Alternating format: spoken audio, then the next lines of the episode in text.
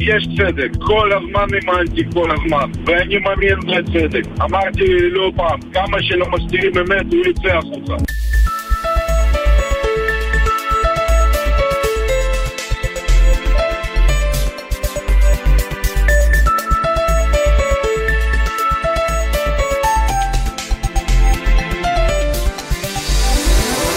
יומן סיכום השבוע עם אמיר בר שלום וחן ליברמן.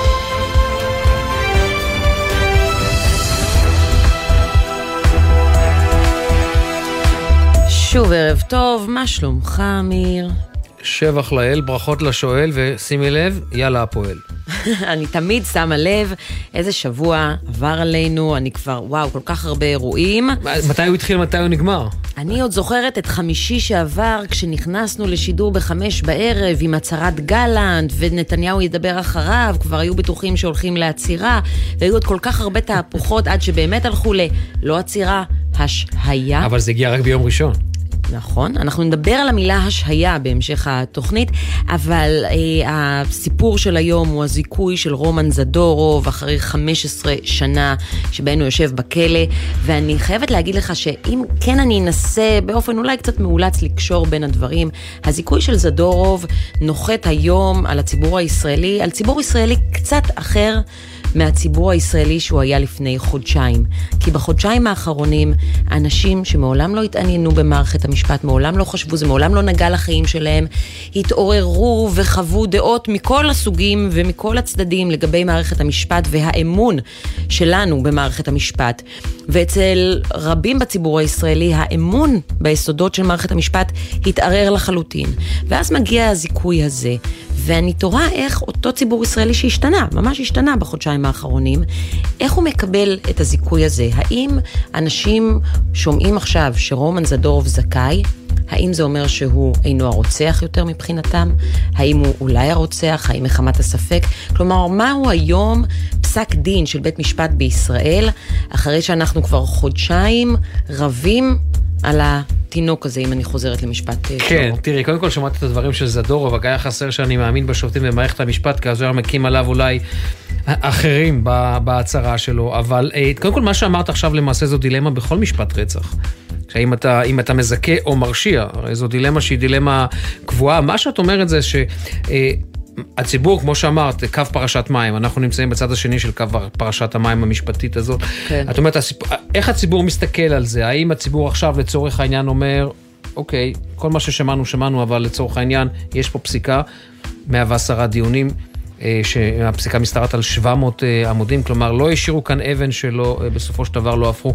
תראי, אני חייב לומר לך משהו ברמת ה... אני אקרא לזה גובה פני הקרקע, הרי כולנו לצורך העניין במשפט זדורוב צריכים להפוך לרגע לשופטים, למומחים בזיהוי פלילי, לחוקרי משטרה, כי אם לא נצלול לפרטים האלה לא נבין מה אמרו השופטים ומה היו העיקרן של ההכרעות הקודמות. והעובדה שיש גם דעת מיעוט בין שלושת השופטים בדיוק. גם לא עוזרת לנו להכריע, להכריע עם עצמנו.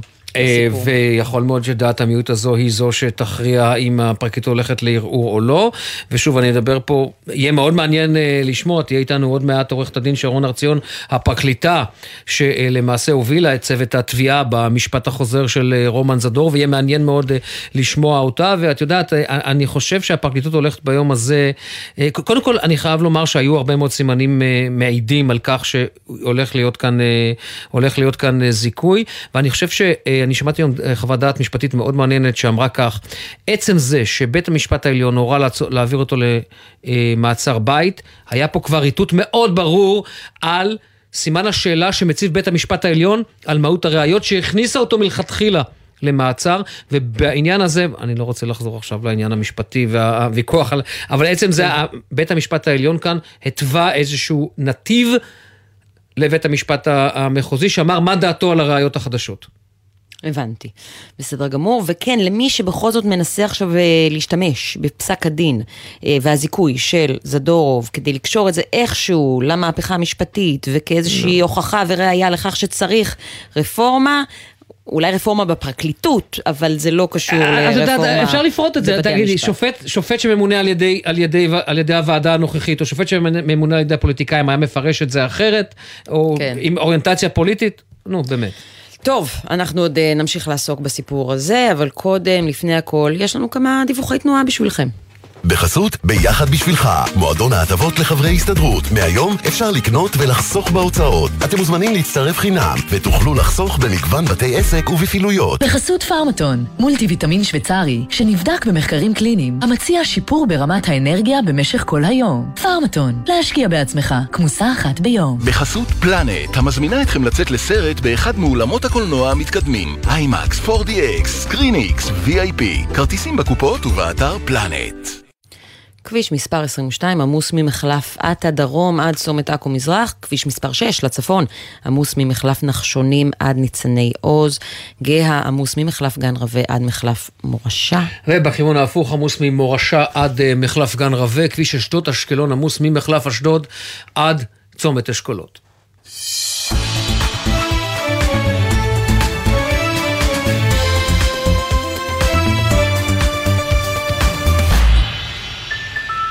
טוב, אז אנחנו צוללים לסיפור זדורו ורוצים כן להבין אה, מה הביא להכרעה, מה הביא לזיכוי.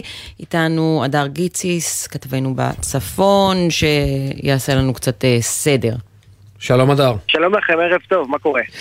טוב, תעשה לנו סדר כמו שאומרת חן, בהכרעת הדין ונימוקים עיקריים לזיכוי. אוקיי, okay, קודם כל אנחנו מדברים כאן על תשתית ראייתית שהשופטים אה, מבקרים. נזכיר, זדורוב הורשע בשלוש ערכאות שונות. הפעם, ממש היום הוא הגיע בפעם הרביעית להכרעת דין, ואנחנו מדברים על חוות דעת חדשה.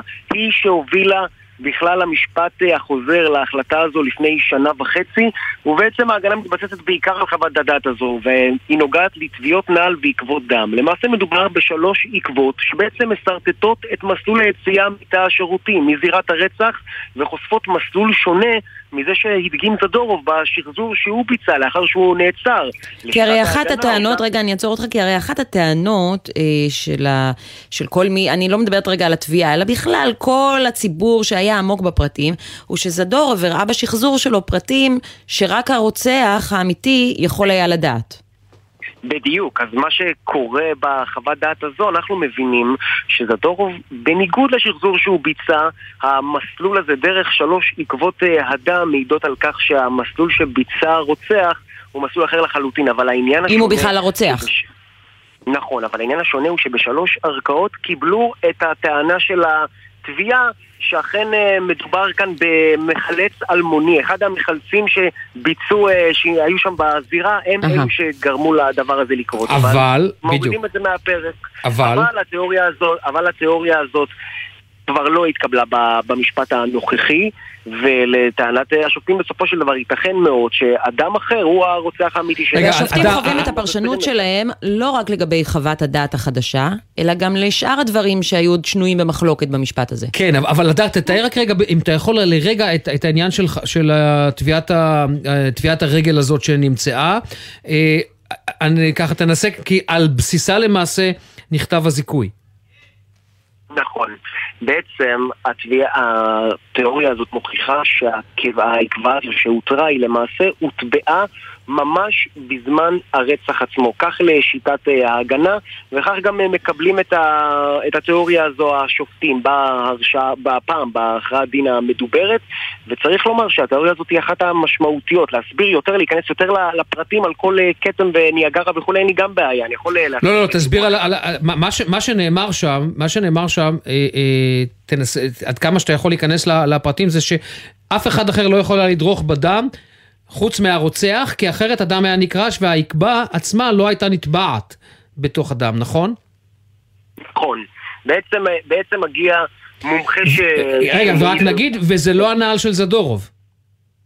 נכון, זו לא ענה של אה, זדורוב, שלושה אה, כתמי אה, דם אה, שהותרו שם אה, אחרי, אבל הכל נוגע למסלול. הם חשבו שזה נוגע לנעל שלו, היו בטוחים שעל פי השחזור אה, כך הדבר נראה, אבל אחר כך התברר אחרת, והתיאוריה הזאת ירדה בגלל אותה אה, בדיקה, חוות דעת שמעידה על כמה זמן לוקח, לכמה זמן יכול לזלוג דם לאחר הרצח, והפעם התיאוריה שמתקבלת היא שונה, היא למעשה אומרת ש... שהעקבה הזו הוטבעה ממש בזמן הרצח עצמו, כלומר הרוצח היה שם, כלומר, התביעות הללו קרו בזמן הרצח, לא במרחק של, של אה, שעות כן. ארוכות אחרי, בזמן שהגיעו לשם המחלצים. אבל מה לא ברור לי? אוקיי, אז שני שופטים אומרים שהם מקבלים את חוות הדעת הזאת, ש... שעקבת הנעל הזאת לא יכלה, אי אפשר היה להטביע את הדם, אם זה לא הדם אה, הטרי. אבל יש את השופטת שבדעת מיעוט, שלא מקבלת את חוות הדעת הזאת. נכון. אגב, זה קצת משהו די מעניין. השופט, השופטת בדעת אה, מיעוט, כאילו הייתה במשפט אחר, זה, זה, זה, זה די מצחיק. היא רואה את הדברים שונה לחלוטין מראש הרכב השופטים אשר קולה והשופטת צרפתי, גם לגבי, לגבי ההודעה, כי בסוף זמננו קצר, אז אנחנו צריכים לחבר פה את כל החלקים. גם לגבי ההודעה, היא טוענת אה, שם שמדובר כאן אה, באדם ששיקר פעם אחר פעם, וזו הייתה הודעה אותנטית, ידע פרטים מוכמנים, שינה גרסאות, אבל מנגד אומר השופט אשר קולה, שדווקא יש חשש שהודעתו של זדורוב היא הודעת שווא, הוא אדם כן. שקט, מנומס, כנוע, לא מעיד על שקרן. אדר, ואפילו ת- צרפתי- אדר, תמתין רגע, תעצור זהו, כאן. ת- ת- אה, תישאר תעצור, תהיה איתנו. איתנו. תישאר איתנו. אה, אנחנו מצרפים לשיחה את עורכת הדין שרון הר ציון, פרקליטה בצוות התביעה, ערב טוב. שלום, ערב טוב. האם יש סיכוי שאתם אה, מקבלים עכשיו את הכרעת בית המשפט, בוחנים אותה, ומבינים שאולי, כן, בהחלט, נעשו טעויות בפרקליטות בסיפור הזה? אה, חן ואמיר, תקשיבו, הכרעת הדין ניתנה היום בשעות הבוקר, 700 עמודים. אני עוד לא הספקתי לקרוא אותה. אתם, אני מניחה שאתם מבינים שמדובר במסמך מאוד uh, מסובך ומורכב. נצטרך לקרוא, נצטרך ללמוד. Uh, על סמך התקציר שנשמע היום בבית המשפט, על סמך הדברים שהשופטים אמרו, מדובר בפער מאוד גדול בין השופטים שהחליטו לזכות לבין השופט, אה, השופטת שהחליטה להרשיע. עצם הפער המאוד מאוד גדול הזה שנוצר, לדעתי אנחנו יכולים לדעת רק דבר אחד, שטוב עשינו שהגשנו את התיק הזה וניהלנו את המשפט החוזר, כי בעצם הפער הזה מעיד על כך שיש שאלות שהיו צריכות להתברר. האם אנחנו נגיש ערעור? מוקדם לדעת. אנחנו נלמד את הדברים, ננסה לברר את העובדות, ננסה ל- ל- בעצם למפות את התמונה השונה ש... שנוצרה פה בין שני כתבים כמעט לא מתיישבים אחד עם השני, ונבין האם זה התיק זה להגיש או לא. זה רמז לכך שאתם כן שוקלים להגיש אה, ערעור, או ש...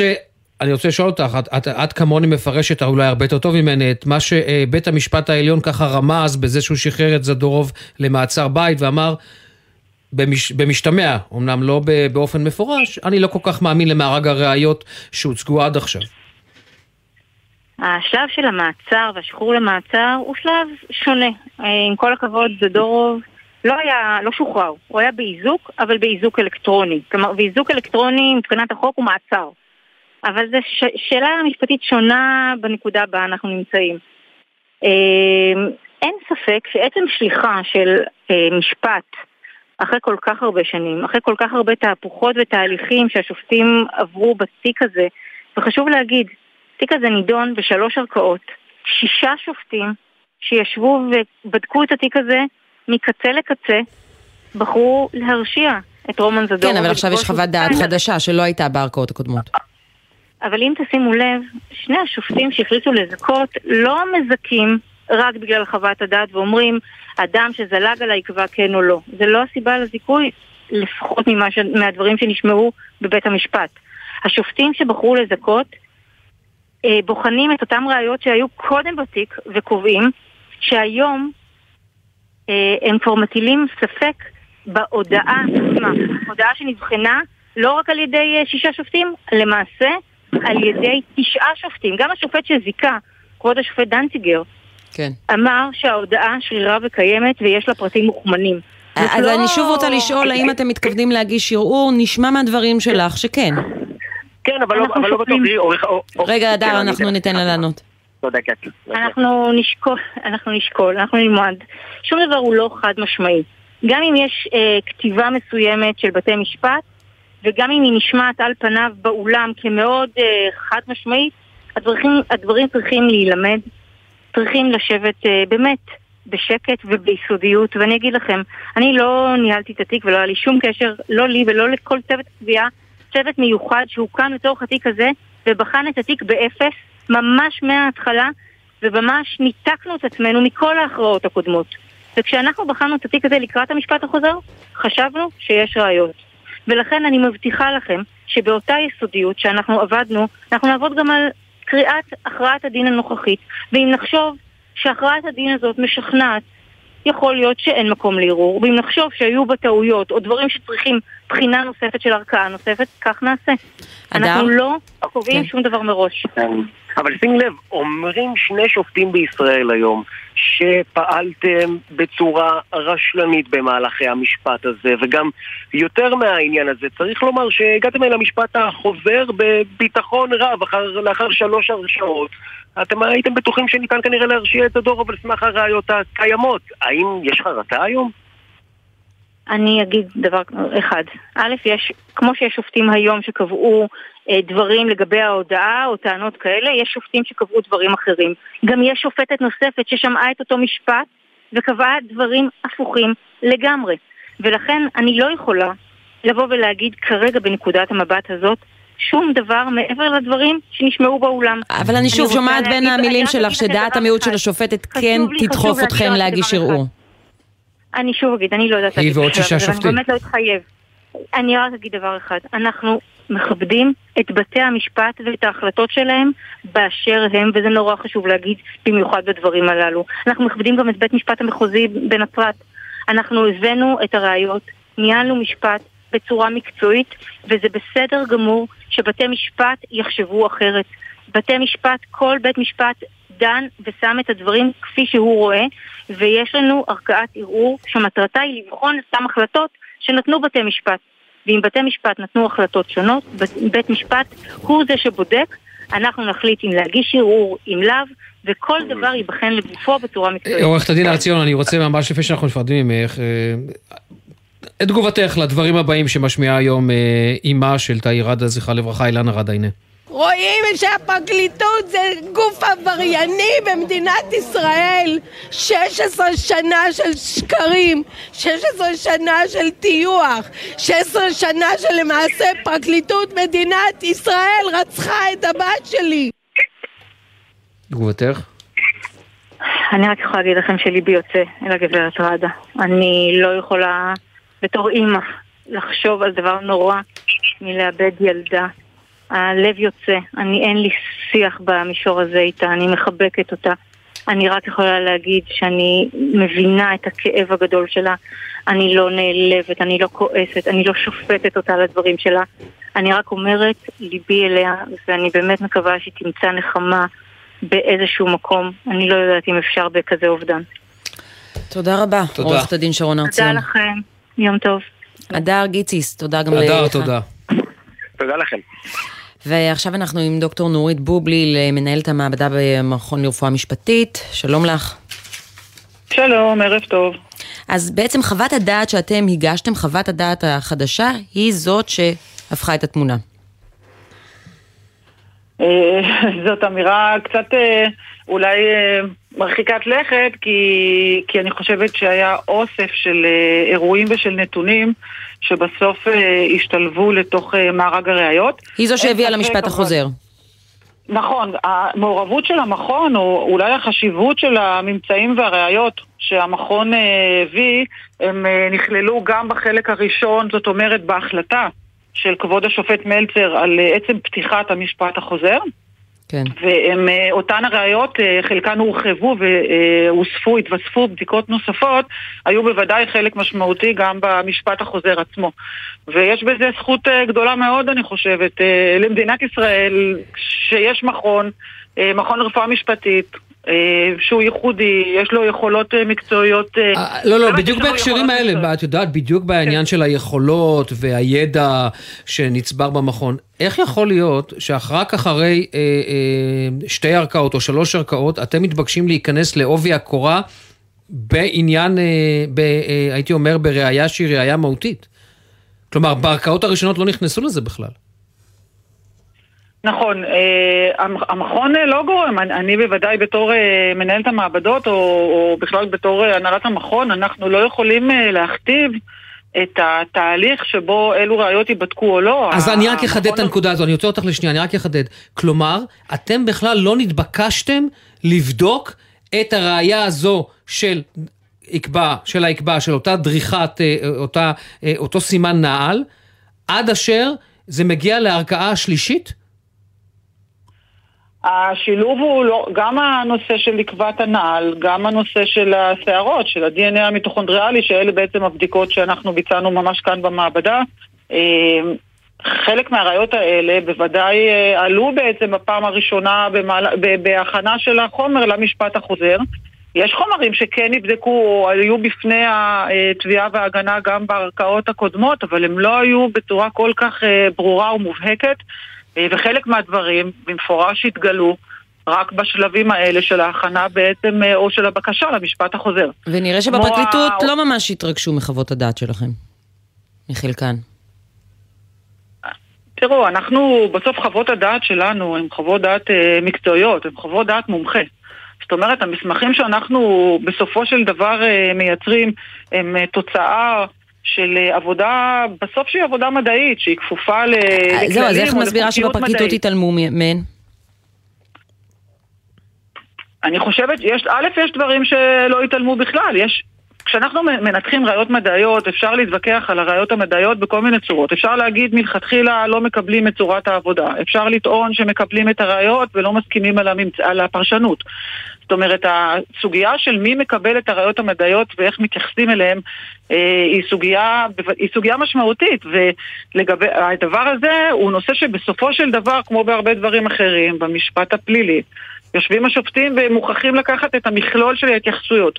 עכשיו, פה... או, זה, זה אגב מביא אותי רגע לשאלה הבאה, יושבים השופטים, אבל השופטת היא בדעת מיעוט, והיא מסתכלת על חוות הדעת לגבי הדם, והאם זה הגיוני שהעקבת נעל הזאת היא של מי שרצח כי הוא היה צריך להיות בזירה ברגע הרצח ורק כך הדם יכול לעבור, זה בעצם חוות הדעת שלכם. השופטת אומרת אחרת, שלא, יכול להיות שאפילו יש יותר סיכוי שהדם היה עובר דווקא דרך נעל של מישהו שהגיע לזירה כמה שעות אחרי הרצח. ואני מנסה להבין איך במשהו שאמור להיות אה, אה, חד וחלק, אה, אפס או אחד, יש את הדעה של שני השופטים מול דעת המיעוט של השופטת. אני יכולה, אני יכולה להגיד כך, קודם כל הנושא של ה, אה, באמת של תביעות הנעל או זליגת הדם היא סוגיה שהיא מעצם הדיון בה אפשר להבין שיש בה רכיבים שונים. אותו דבר לגבי, אה, אה, אני, אם אני לוקחת את זה רגע להרחבה גם לגבי ראיות DNA, שראיית DNA בקצה אחד יכולה להיות ראיה מאוד מובהקת, חד משמעית, כמעט שלא ניתנת בכלל לערעור, זה, זה צד אחד. בצד הקיצון יכולות להיות ראיות ב-DNA שהן סופר מורכבות, הן באמת דורשות אה, איזושהי אה, אה, התייחסות מפורטת ומורכבת של המומחה, והן יכולות להיתפס, בסופו של דבר הראייה עצמה, יש מצבים שבהם ראייה אחת מספרת סיפור. אה, להבדיל, כן, מהמקרה שלפנינו, יש לנו תיקים, לדוגמה מקרה של אה, קיצון, אני אקח אה, דוגמה של אונס ורצח של קטינה. זה תיק שבעבר הרחוק נבדק במעבדה. אה, בתיק אונס ורצח של אה, קטינה, של ילדה בת שש, אם נמצא זרע של אדם בגופת המנוחה, הרי ברור שהסיפור הזה כמעט סוגר את העניין, לא צריך עוד הרבה מעבר לזה. כי לזרע של כן. אדם בוגר, אין מה, לזרע בכלל אין מה לחפש בגופתה של ילדה בת שש או בכלל של קטינות. אז זה מקרה שבו לא יהיה, אה, לא, לא תתקיים מציאות שבה אחד יאמר כך ואחד יאמר אחרת. Mm-hmm. במקרה הנדון של התיק, בתיק זדורוב, מה שקרה זה שלאורך השנים אה, עלו והתווספו, בייחוד מאז ההחלטה על המשפט החוזר, התווספו ראיות שמשקלן הכולל הוא זה שנמדד על ידי בית המשפט.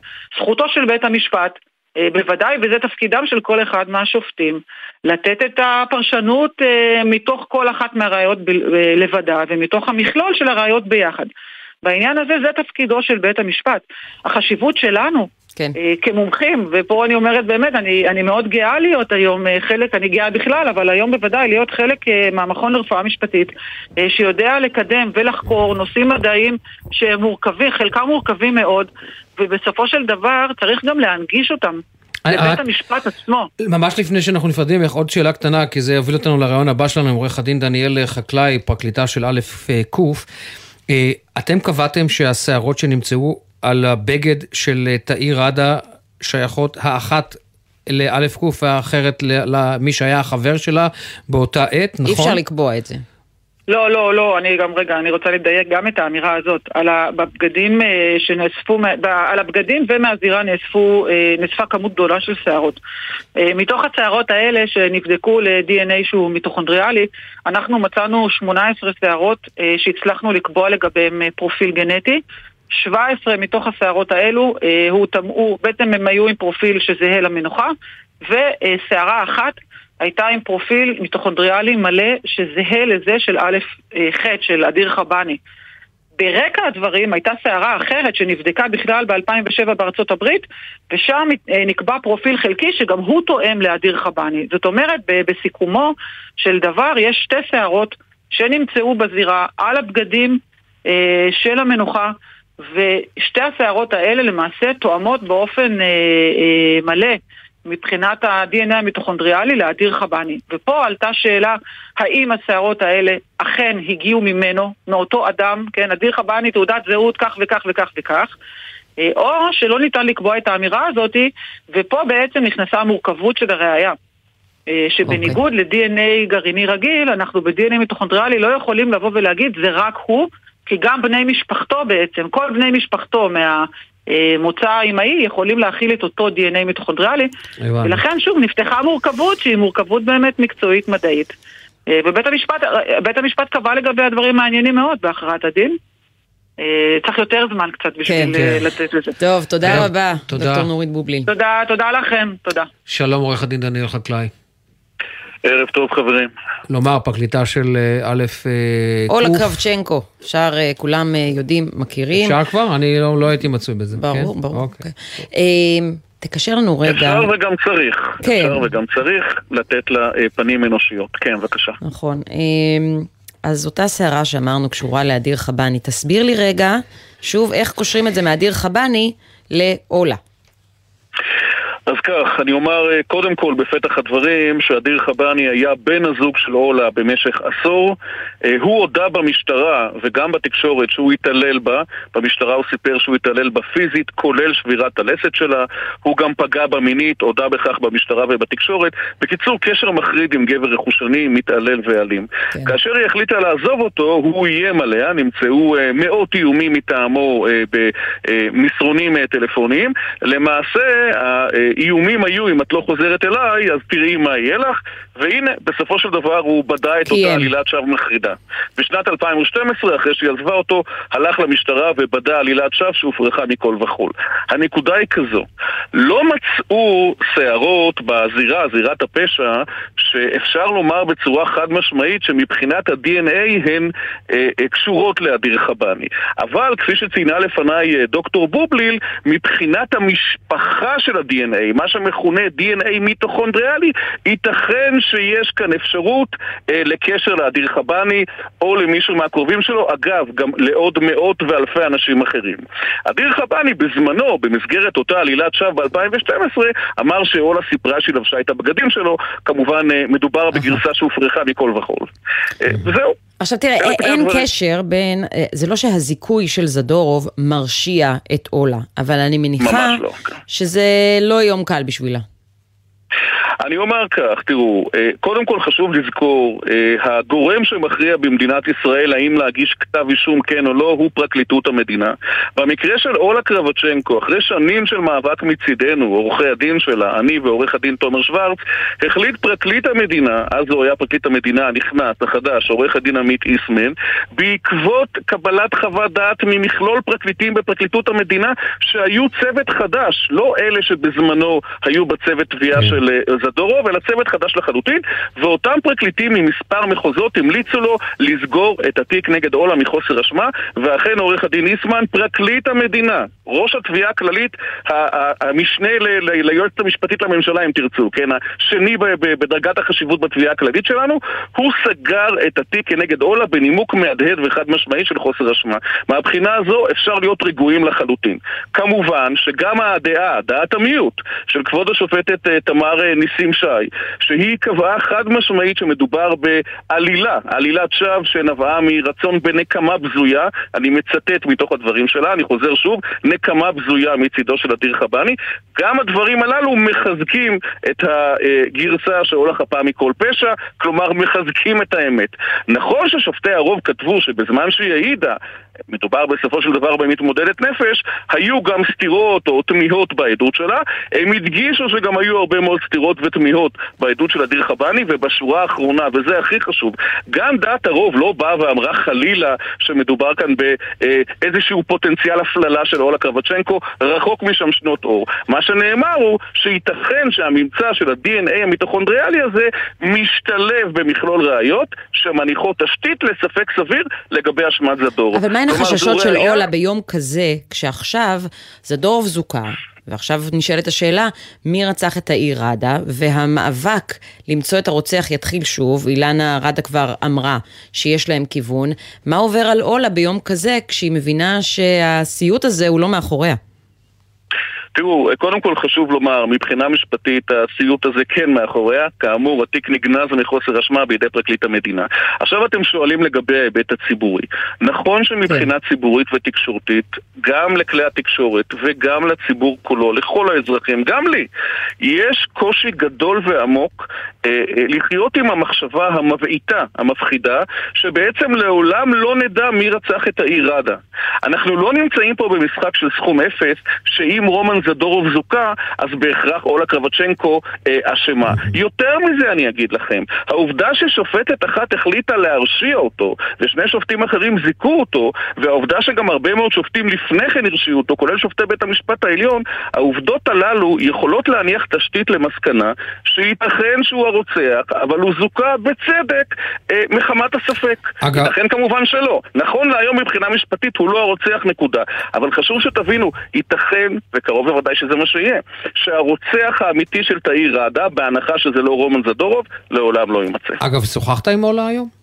אחרי האחרון? כן, אני כמובן, כן, אני כמובן הייתי איתה בקשר. אה, לשמחתי, באמת אחרי אה, שנים אה, איומות מבחינה נפשית, מבחינה פסיכיאטרית, כולל כמובן חצי מדינה שסברה בטעות שהיא הרוצחת, היא נמצאת בשנתיים האחרונות במקום אחר, היא הוציאה עכשיו ספר אגדות ילדים, ממשיכה לצייר, הייתה לה גם תערוכה בתל אביב, והיא ממשיכה בטיפול, היא בדרך הנכונה, אין לה שום קשר לרצח הנורא הזה של תאיר ראדה. עורך הדין דניאל חקלאי, תודה רבה לך. תודה לכם, ביי ביי. כמה הודעות, ואתה כן. מאמין שחצי שעה ראשונה של התוכנית לא דיברנו בכלל על פוליטיקה. מה זה מאמין? אני מאושר. טוב, תראה, זה לא שדיברנו על משהו... בעין, סמי. בעין, אני מאושר, אני מאושר בעין. בעין, אוקיי, בסדר. כמו השעיה בעין והשעיה בה', בסדר גמור, כמה הודעות ונחזור.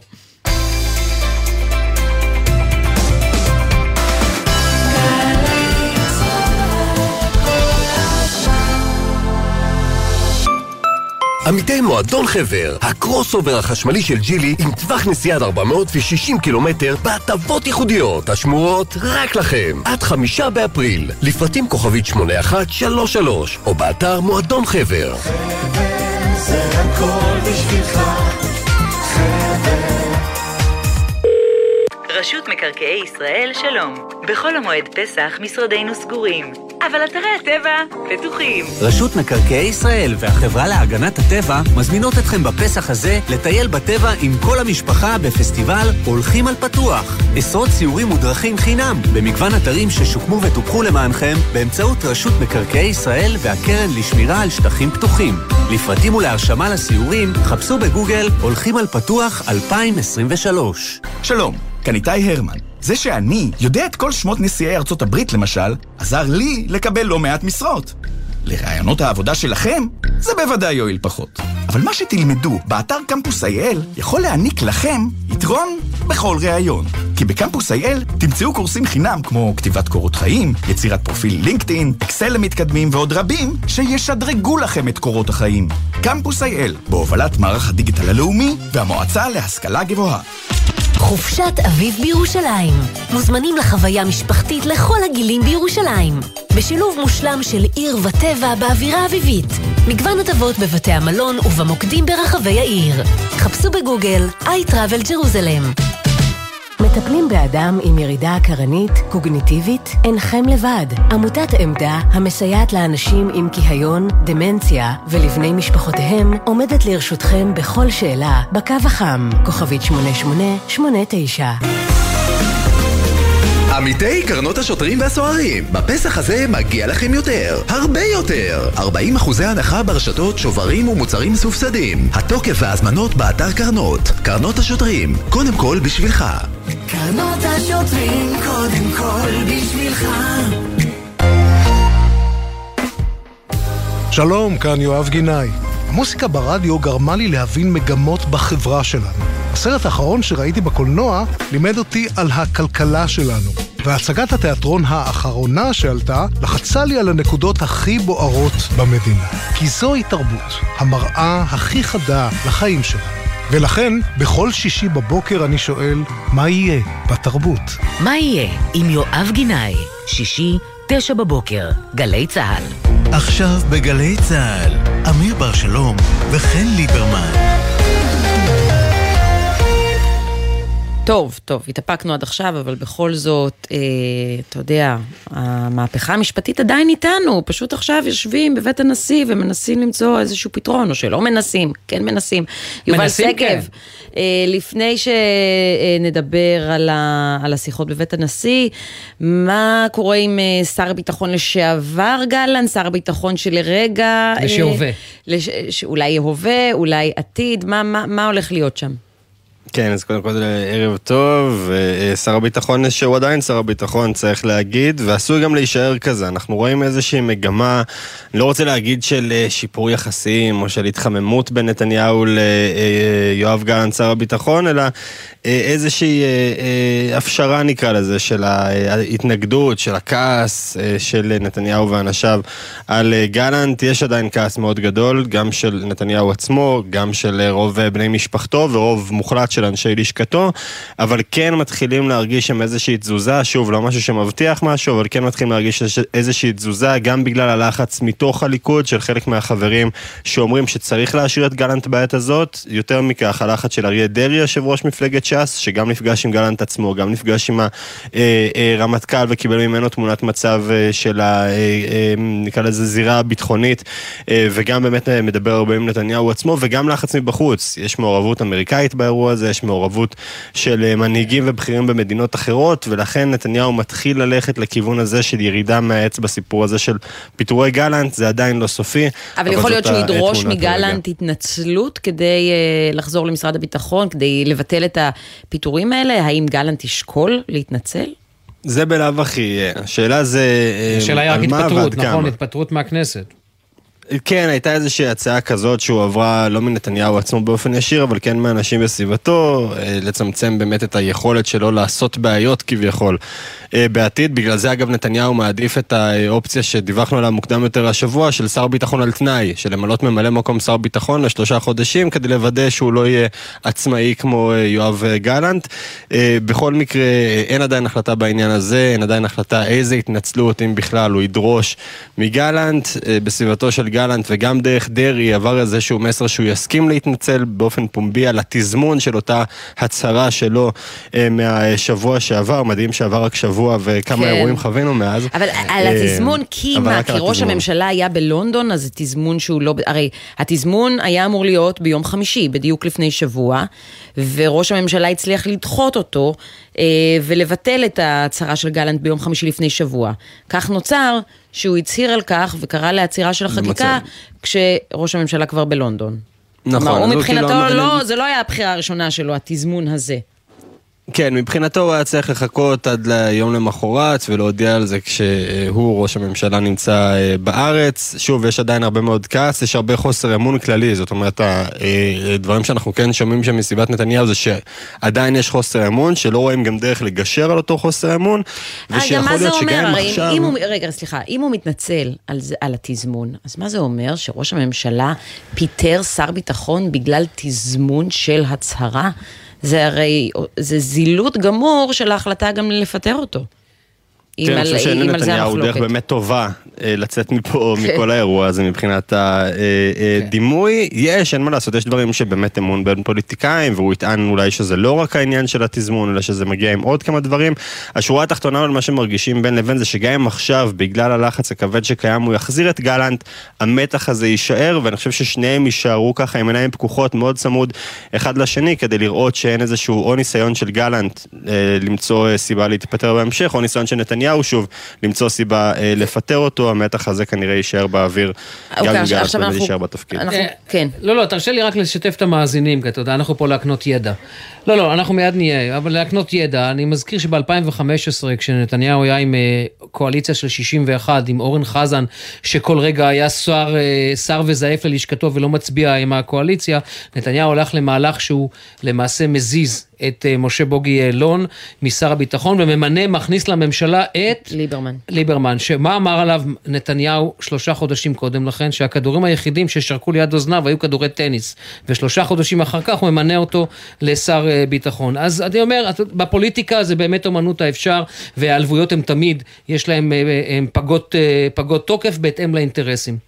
כן, לא, כן, לא, העלבויות עם מילא, אני שהייתי מדברת- צריך לעשות איזשהו מהלך ולמנות שר ביטחון, כאילו זה עניין של מה בכך, זה כן. אני בכלל לא מדברת פה על היעלבויות, אני מדברת על זה שגלנט חושש שהחק... שהחקיקה הזאת תעבור, כי הוא חושש שזה יפגע בביטחון המדינה, וכשהוא חוזר למשרד הביטחון ועוד מתנצל על לא, הדרך, לא, זה גלנט, הולך נגד גלנט, לא עקרונות. חושש, לא, גלנט לא חושש מזה. גלנט אמר אך ורק לעצור, כי ה, זה מידרדר לפתחו של הצבא ולביטחון ישראל. נכון. הוא לא מתנגד ל, לרפורמה, הוא אומר, בהסכמה, לא עכשיו. בסדר, ועכשיו השאלה אם תהיה הסכמה, וזה מביא אותנו לעוד עניין אחד, לפני שאנחנו עוברים לדבר עם קארין אלהרר מיש עתיד, שנמצאת בצוות המשא ומתן, אז uh, היה היום uh, uh, חילופי דברים בין שר המשפטים יריב לוין לבין חבר הכנסת חילי טרופר, שגם נמצא בצוות המשא ומתן, בגלל שחילי טרופר אומר, אה, יש דבר אחד שלא נתפשר עליו, לא יהיה רוב לממשלה, הממשלה לא תמנה שופטים.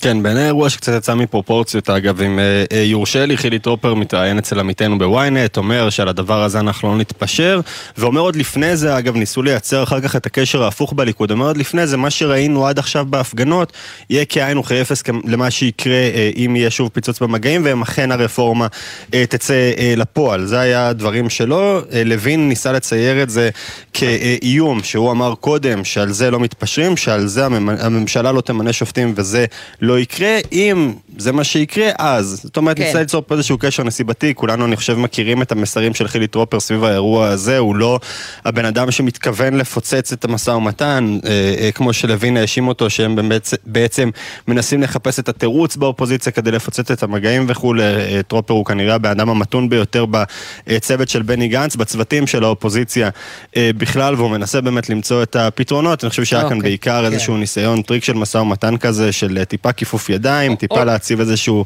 אה, נקודת פתיחה יותר קשה. בסופו של דבר, אם הצורך יהיה למנות אה, לצורך העניין שופט אחד בידי הקואליציה, יכול להיות שזה משהו שגנץ ואנשיו יוכלו לקבל בסוף הדרך. תודה יובל. תודה יובל. אני רק אתן לזה עוד אה, פרשנות אחת, יכול מאוד להיות שאנחנו זוכרים את ההודעה שהתפרסמה אתמול של יריב לוין לאותו פעיל ליכוד. יכול מאוד להיות שהוא רצה גם אה, בעניין הזה לעורר את הוויכוח כדי אה, להלהיט, או לא להלהיט, אלא אוקיי. כדי לדרבן, רק רגע, רגע, לדרבן את ה- אה, אלה שמשתתפים בהפגנה היום. אה, הבנתי. עכשיו אנחנו עם חברת הכנסת קארין אלהרר מיש עתיד. את תרצי גם אולי, ערב טוב, קודם כל. ערב טוב, דניאל. את תרצי אולי גם להגיד משהו ששר המשפטים יריב לוין ייאלץ להגיב עליו? לא יודעת, אני לא מתראיינת כדי שיריב לוין יגיב. אה, אני כן אומר שאנחנו מגיעים למשא ומתן הזה, להידברות הזאת, כדי לעשות שינויים. אה, ולא שינויים שהם במתווה לוין רוטמן, אלא שינויים שישמרו על הדמוקרטיה, שלא ניתן שיפגעו בה. ולא ניתן שמערכות השלטון יהיו מטעם, לא בתי המשפט, לא המשטרה, לא שום דבר. כן, אבל את יודעת, אי אפשר לבוא למשא. ומתן עם תנאי מוקדם. משא ומתן בסופו של דבר זה נפש חפצה. ניכנס לחדר, נשמע את הדרישות של הצד השני, נראה איפה אפשר להתגמש, איפה אפשר להגיע לעמק השווה. ומה שאת עושה פה, את למעשה כבר, את את לא מרגישה שבאיזשהו מקום אתם כבר שמים את ה... אה, בוא נגיד כך, את הדרישות שלכם עוד לפני שנכנסתם לחדר? אמיר, אני לא באה לנהל משא ומתן על דמוקרטיה. דמוקרטיה צריך להיות דבר גיוון. בדמוקרטיה מערכות הן לא מטעם. אין פה בכלל שאלה.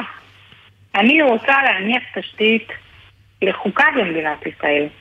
אני רוצה שזכויות הבסיס יהיו מעוגנות.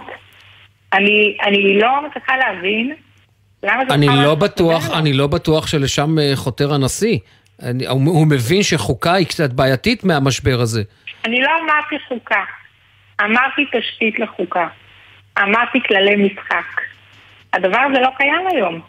תראה, אם יש משהו שהבנתי, הוא שהדמוקרטיה היא מאוד פגיעה. אם יש משהו שהבנתי, שלשלטון יש הרבה יותר מדי כוח. ואת הדבר הזה אני רוצה למצוא פתרון, לא להיום ולמחר, אלא לעוד שנים רבות.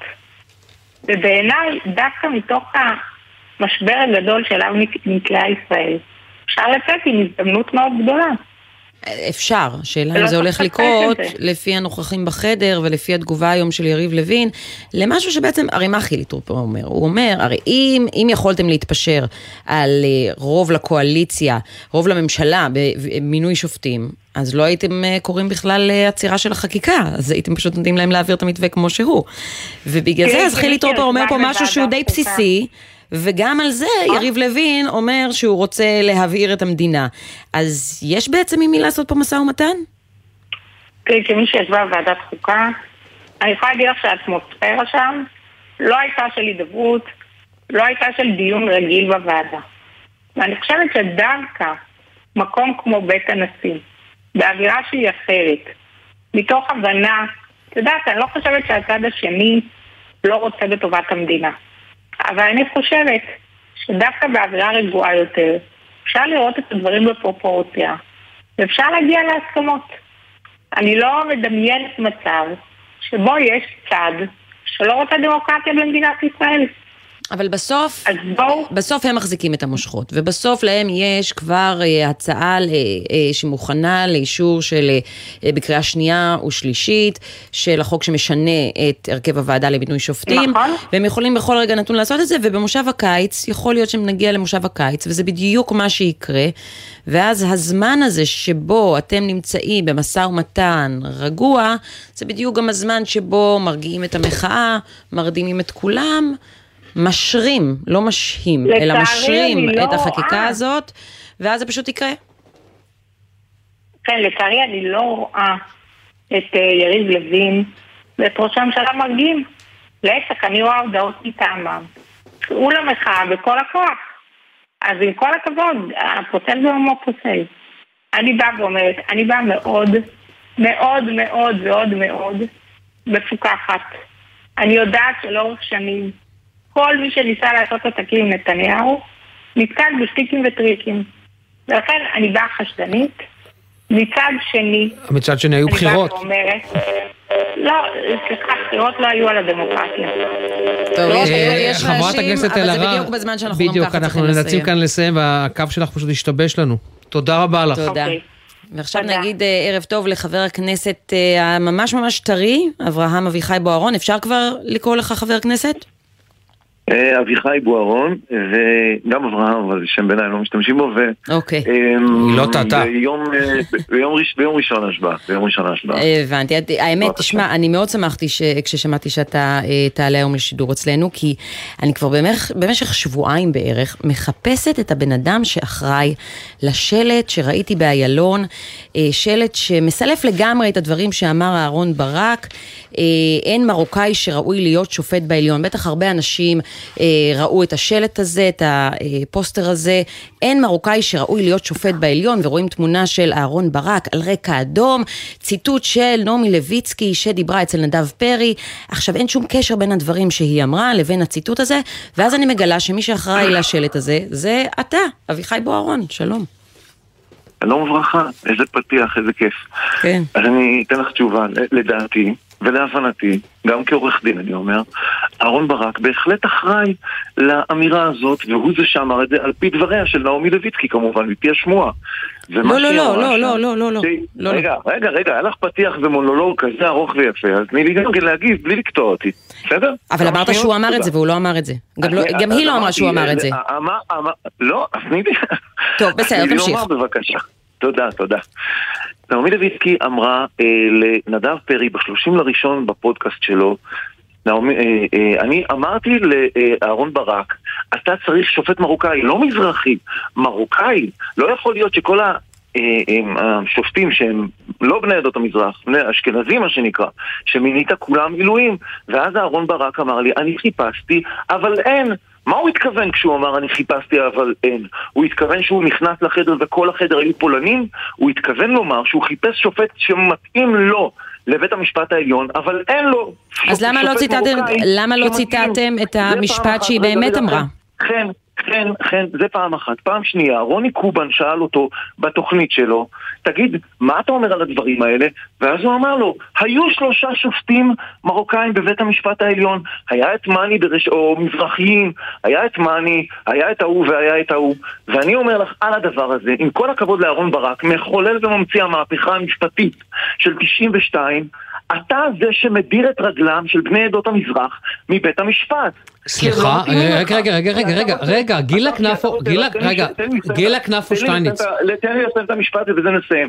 אתה רוצה, כמו שאמרת על מרים נאור, שהשופטים שלך יהיו כל אחד ואחד ספר, אה, דף בספר בית המשפט. או כמו שאמרה דורית בייניש בפקולטה, אנחנו לא רוצים בית בית של שופטים, אנחנו רוצים בית משפט. שהכל יהיה הומוגני, אחיד, שיטתי. אז לא אני, הבנתי למה היה צריך אה, לסלף את אני- הדברים. אני כמשפטן, לא ענית לי על אני השאלה. זה לא מסולף. ואתה לא בכלל גם מסולף. לא שומע שאלות. אתה לא- לא שומע שאלות. נכון? אתה לא אני שומע שאלות. לא, לא- לא, כי לא נתנו לך לסיים. הרבה יותר ממשפט אחד כן, ואתה לא כן, שומע לא- שאלות. את לא שומעת את התשובות. לא, לא, אני ממש שומעת את התשובות, אבל לא-. הן לא תשובות לשאלה ששאלתי, למה לסלף את דבריו? בהחלט, אה, לא, זה לא זה לא זה סילוף כן. דבריו, זאת הייתה. אז אל, זו הייתה המשמעות של דבריו. לא, לא, אז אפשר היה לצטט? את מה שהיא אמרה, כמו שהיא אמרה את זה? נעמי לויצקי, אבל אתם? בחרתם תגידי- לסלף. בואי תגידי לי ולציבור, כשהוא אומר חיפשתי אבל אין, למה הוא מתכוון? אתה מציג ציטוט, אתה? מציג ציטוט בשלט, כאילו אלה לא, לא דברים ציטוט, שאמר לא ברק. היו מרכאות, לא היו מרכאות, היה, ואז אמר ברק, וזה מה שהוא אמר. אה, הבנתי. וזה מה שהוא אמר, זאת המשמעות. הבנתי, זאת הבנתי. המשמעות של מה שהוא אמר. הבנתי, אז אנשים אמורים להבין. שזה לא ציטוט כי לא היו מרכאות, אחרי שאתם כותבים, ואז ברק אמר. בסדר. אולי את בשיטת ברק בפסק דין אפרופים שאומר אנחנו לא נראה מה נאמר, אנחנו נראה רק- את הכוונה. בואי תסתכלי מה הייתה הכוונה, זו הייתה הכוונה שלו. זה זה הסיפור. אה, עורך דין בוארון, אני חייב לשאול אותך שאלה אישית. אני זוכר אותך בפינוי עמונה, ואני גם אז הודיתי לך וגם עכשיו, שבזמנו באמת, אתה יצאת ועמדת עמדת חוצץ פיזית בינינו, בין התקשורת לבין נערי הגבעות, שפינצ'רו לנו את כן. אני זוכר, הגלגלים. נזכר- כשאמרו לי שאתה מגיש את התוכנית נזכרתי ברגע הזה. נזכרת באבנים, כן? ששנינו חטפנו את לא, אותם אבנים. הזה, נזכרתי ברגע הזה שעמדתי חוצץ בינך לבין נערים שרצו לפגוע בך. אה, יפה. אז עכשיו אני שואל אותך, ובאמת אמרת שם אמירה באמת חד משמעית, וגם עשית. כשאתה ראית בהפגנה שאתה לפני יומיים הנחית, את הפעילות של לה פמיליה, מה אתה חושב על זה? אני אגיד לך. שני דברים. דבר ראשון הייתה עצרת מדהימה. באו בהתראה של מעכשיו לעכשיו. מהבוקר התחלנו לארגן את ההפגנה הזאת, ועד הערב באו 150-200 אלף איש, אנחנו לא יודעים לספור, אבל בין 150 ל-200 אלף איש, בהתראה של 12 שעות, כמו קפיץ דרוך שהשתחרר. ש-98% מהם אני באמת מכבדי שנייה, חוק, שנייה, נכון, אני שנייה, אני מסכים איתך. שנייה, שנייה, שנייה, אז תן לי להשלים את המשפט.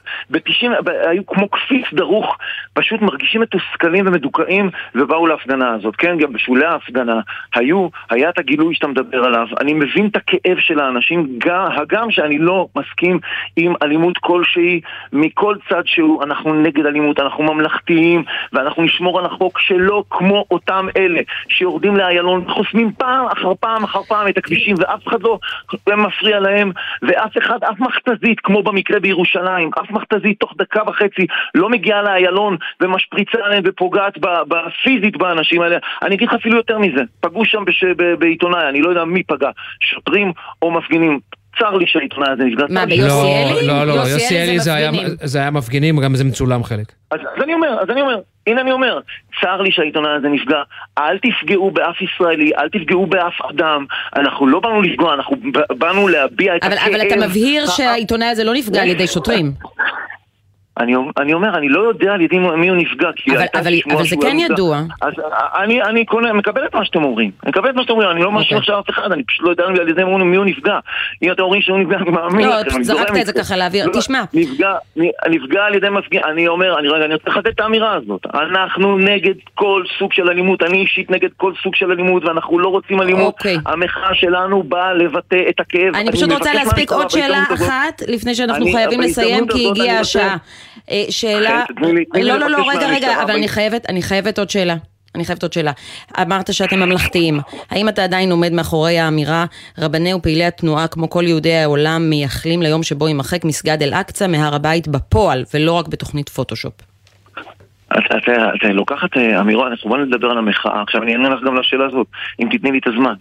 אבל אין לנו זמן, אנחנו. חייבים לסיים את הרעיון, כי הגענו לסוף השעה. אני רוצה להביע עוד מסר אחד. ידע השמאל. וידעו מארגני המחאה משמאל. יש ציבור שלם שניצח בבחירות, והוא מרגיש סוג ב'. היום שמעתי את חילי טרופר אומר, אנחנו לא ניתן לקואליציה למנות שופ, שני שופטים, גם לא שופט אחד הם ימנו. והאלימות והכוחניות הזאת לא יכולים להימשך. גם חילי טרופר וגם המחנה הציוני, שממנו אני מצפה שיביא את הבשורה. לא אמרת, מיאיר אביחי, אמרת, הבהרת. אוקיי, אתה רוצה למחוק את, מסגד אל-אקצא. מהר אני הבית? היום, אני היום, אני היום, רק שנייה חן, אנחנו לא פופוליסטים. אני בן אדם מעמיק, מחילה.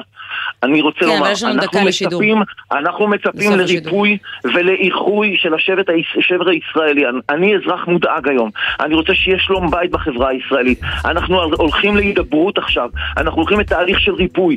מוטל על בני גנץ, מוטלת על בני גנץ האחריות להגיע לסיכום עם הקואליציה, עם חבר הכנסת, 64 אין מנדטים, בעיה, שמענו, הנקודה ברורה. יש לנו ישראל. עוד 30 שניות. האם אתה רוצה למחוק את מסגד אל-אקצא? האם אתה עדיין עומד מאחורי לא הדברים רוצה- האלה? אני מייחל יחד עם כל יהודי העולם לבניית בית המקדש במהרה בימינו, אמן, כמו שאנחנו רואים בליל הסדר, לשנה הבאה בירושלים הבנויה. כל השאר זה נגזרות של התפילה. והאמונה הזאת. אביחי בוארון, מיום ראשון חבר כנסת, תודה רבה נראה לי לך. שקיבלנו את התשובה, תודה. תודה לכם, תודה, שלום, ערב. טוב. חדשות השעה 6, כבר חוזרים.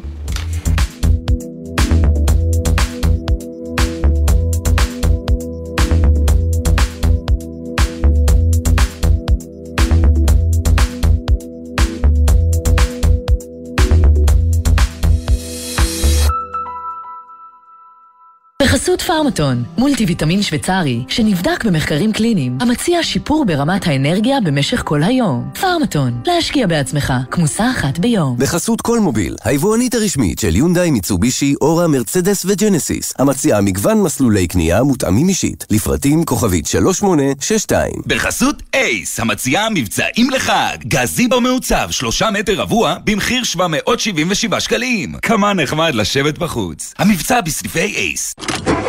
מה נשמע, נשמע, סוף השבוע, הבית של החיילים.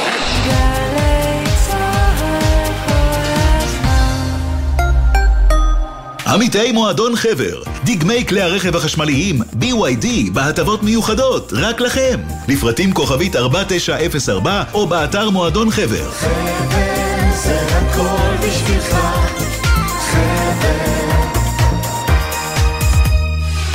חופשת אביב בירושלים.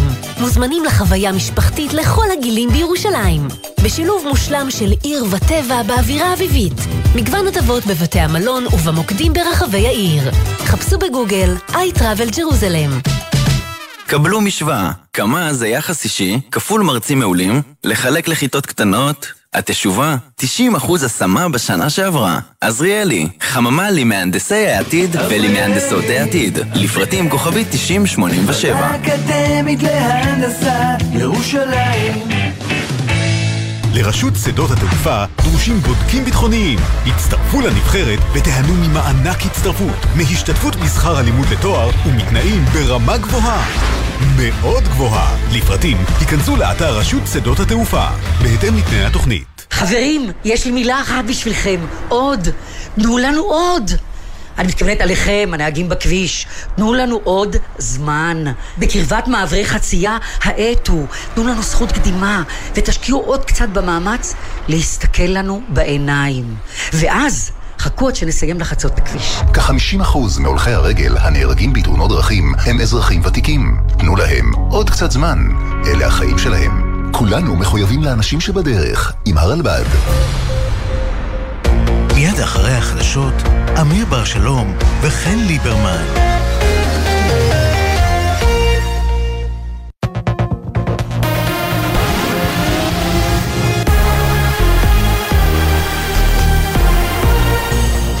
גלי צה"ל השעה 6, שלום רב באולפן גל אשד עם מה שקורה עכשיו.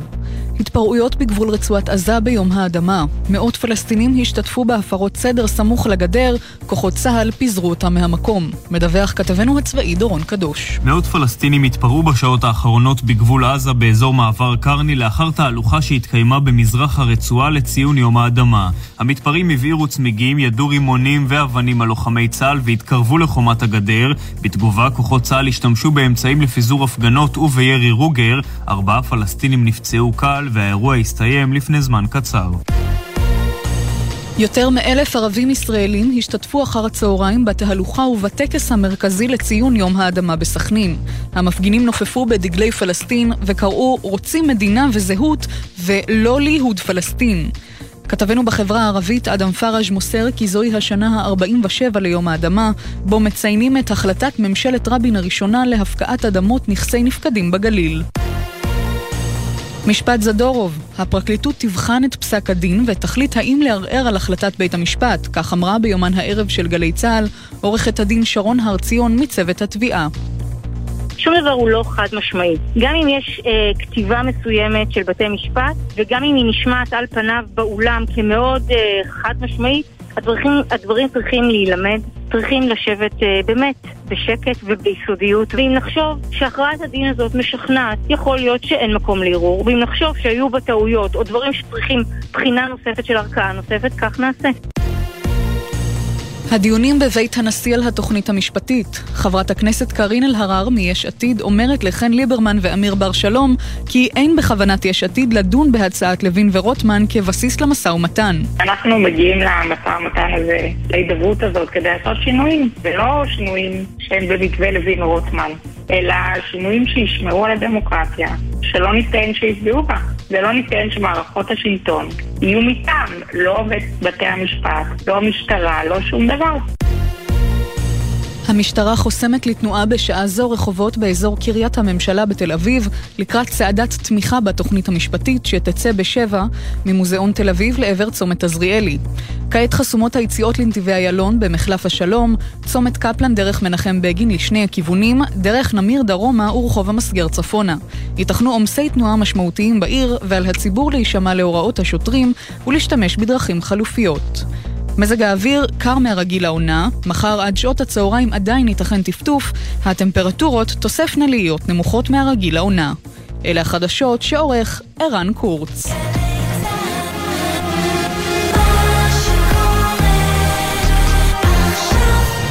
בחסות קונסטרוקטה, בעלת יותר מ-70 שנות ניסיון בייצור מכונות כביסה, ומציעה גם 5 שנות אחריות מלאה בתוספת 99 שקלים ברכישה מיבואן רשמי BSH, כפוף לתקנון. בחסות קרנות השוטרים והסוהרים, המזמינה אתכם למבצעי פסח. 40% הנחה ברשתות, שוברים, אטרקציות ומוצרים מסובסדים. הפרטים והתוקף באתר. בחסות פארמטון, מולטי ויטמין שוויצרי, שנבדק במחקרים קליניים, המציע שיפור ברמת האנרגיה במשך כל היום. פארמטון, להשקיע בעצמך, כמוסה אחת ביום.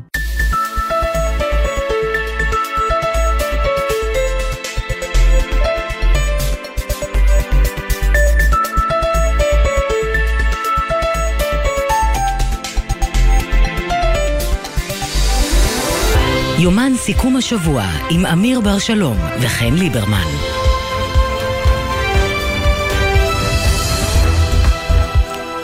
שש וארבע דקות בגלי צה"ל, יומן סיכום השבוע. חזרנו, אמיר בר שלום מביא לי תה במהלך החדשות כמו כל שבוע, רק שהשבוע הוא שכח, אתה שכחת להביא סוכר. מודה. ועוזב, וידאגו לך, תאמיני לי, יגיע. רגע, אבל לא טעם, טעמת? האמת, טעמתי תה נהדר. אה, במהלך השעה הקרובה אנחנו נדבר עם סתיו שפיר, שזכתה היום בתביעת הדיבה נגד יאיר נתניהו. הוא תבע תביעת נגד והוא לא זכה, כלומר, הוא יצטרך לפצות אותה ב-40 אלף שקלים, היא לא תצטרך... והוצאות משפט. לפצות אותו והוצאות משפט, נהיה גם איתה וגם עם עורך הדין של יאיר נתניהו. אבל קודם, יחסי ישראל-ארצות הברית. לאן? יחסינו אה, לאן? כן, האם אנחנו בתחתית או לא? אה, שלום ליעקב עמידרור, האלוף במילואים, לשעבר אה, ראש המל"ל והיום חוקר במכון ירושלים לאסטרטגיה וביטחון. שלום וברכה, צהריים טובים. אתה חושב שאנחנו הגענו לתחתית, או ש... ומכאן אפשר רק לעלות, או שהאמריקנים מתכננים עוד אי אלו צעדים כדי להבהיר לישראל את חוסר הנוחות שלהם? אני חושב שהתיאור של המצב בתחתית הוא בבחינת היסטריה, אה, שאין לה בסיס במציאות. יש אה, מחלוקת בינינו לבין ארה"ב לא פעם ראשונה, לא פעם שנייה ולא פעם חמישית. במקרה הזה זה לא על נושא חיצוני אלא על נושא פנימי ולכן עמדתנו יותר חזקה, כי זה בדרך כלל נהוג שמדינות מתערבות פחות ופחות אחד בענייני השנייה. והיו לנו אה, חילוקי דעות בעבר, ויהיו לנו חילוקי דעות בעתיד, אני לא חושב שאנחנו מתקרבים אפילו. אה, תרשה לי רק בנקודה הזו לקטוע אותך, סליחה שאני קוטע אותך, אלוף במילואים עמידרור, אבל אתה יודע, בדרך כלל המחלוקות היו מדיניות. פלסטינים, איראן, אה, או אה, אה, אתה יודע, כל מה שקשור לבנייה ביהודה, ו... ביהודה ושומרון. פה המחלוקת היא אחרת, המחלוקת היא, והבית הלבן מדגיש את זה בתדרוכים וגם בהודעות, היא מחלוקת על ערכים משותפים. זה לא היה בעבר. וזה גם לא בדיוק עניין לא פנימי. היה, זה, לא היה בעבר, זה לא היה בעבר, ולכן אני הרבה יותר אופטימי, משום שאני חושב שבעניין הזה האמריקאים בסוף מבינים שמדינות דמוקרטיות קובעות את מערכת הערכים שלהם בתוך עצמן ולא, ולא על ידי גורמים חיצוניים. ומאחר ואני חושב שמדינת ישראל תצא דמוקרטית מהמשבר הגדול שיש לנו, הוא משבר גדול מאוד, היא תצא דמוקרטית, אז אני ממש לא uh, מודאג. כי אתה חושב שהיא תצא דמוקרטית אחרי המשא ומתן בין הצוותים השונים, בין הקואליציה לאופוזיציה, או כי אתה חושב שהיא תישאר דמוקרטית לא משנה מה?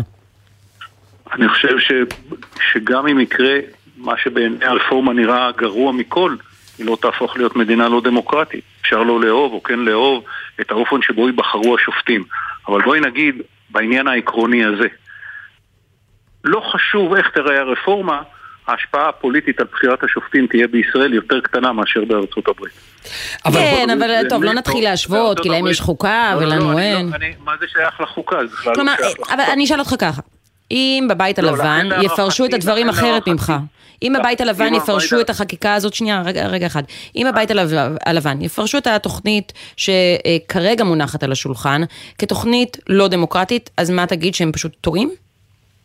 אז קודם כל אני אחשוב, אני לא, לא, לא אני אומר, אני אחשוב שהם טועים, אבל אני חושב שבחלוף הזמן יסתבר, אם יסתבר לבית הלבן, שמדובר בכך שמדינת יותר דמוקרטית, או לא פחות דמוקרטית מאשר היא הייתה קודם, אז אני חושב שהבעיה הזאת תיפתר. אני לא, אני לא מזלזל בקיומה עכשיו, אבל אני מאמין שהיא תתפטר בעתיד, משום שהסתבר שחלק ניכר מהחששות לכך שישראל מאבדת את אופייה הדמוקרטי, הסתבר כלא נכון. אבל בסוף גם האמריקאים לא עיוורים למציאות.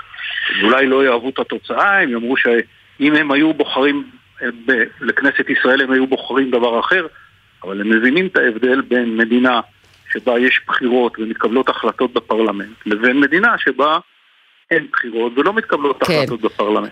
אבל אפשר אה, להסכים שהקש ששבר את גב הגמל של ביידן היה פיטורי גלנט. כלומר, לא, לא הרפורמה, לא החקיקה, אני- אלא אני- פיטורים אני- מפתיעים ופיטורי בזק של שר ביטחון. זה, לא, לא נעים לי להגיד לך, זה ממש מגוחך. את יודעת איך, איך מפטרים בארצות הברית? נכנס גנרל ארבעה כוכבים לשיחה עם הנשיא ויוצא ממנה במילואים. האמריקאים פיטרו את מקארתור במברק. גדול מצביעי מלחמת העולם השנייה. אתה חושב שהיה צריך לפטר את השר גלנט? אני לא נכנס לעניין הזה, זה, זה בפוליטיקה ישראלית אין שמץ של הבנה. מילימטר של הבנה אין לי. ולכן אני בעניין הזה, אבל להגיד שאמריקאים מתרגשים מפיטוריו של שר הגנה, זה... אז ממה הם מתרגשים? כלומר, מה הביא את ביידן לומר דברים שגם אם אתה לא מגדיר אותם תחתית, הם דברים קשים? בדק, בדקתם כמה שרי ביטחון התחלפו אצל אובמה, כמה התחלפו אצל טראמפ? שוב, אני לא עורכת השוואות, אני שואלת אותך, לא, מה גרם לביידן להגיד דברים? אז אני שואלת אותך, אני מה לא גרם להם להתרגש אם כך? כי בכל זאת, לא שמענו דברים כאלה מביידן על ביבי, או על- מכל נשיא אמריקאי על נתניהו, על ראש ממשלה כלשהו בישראל, לא שמענו דברים כאלה בעבר. אז אולי אתה לא מגדיר את זה אה, כתחתית, אבל מה הוביל- לרגע הזה? פרשנות לא נכונה? אני רוצה לך, מה אמרו האמריקאים על בגין ואת תגלי שהם אמרו דברים לא פחות חמורים.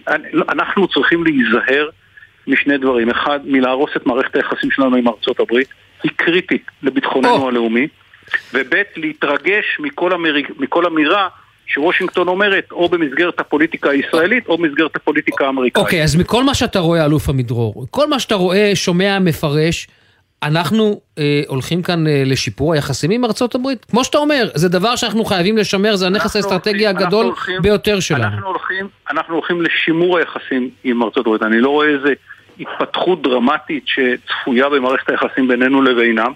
אני לא רואה איזושהי הרעה דרמטית שצפויה להיות בינינו ובינם.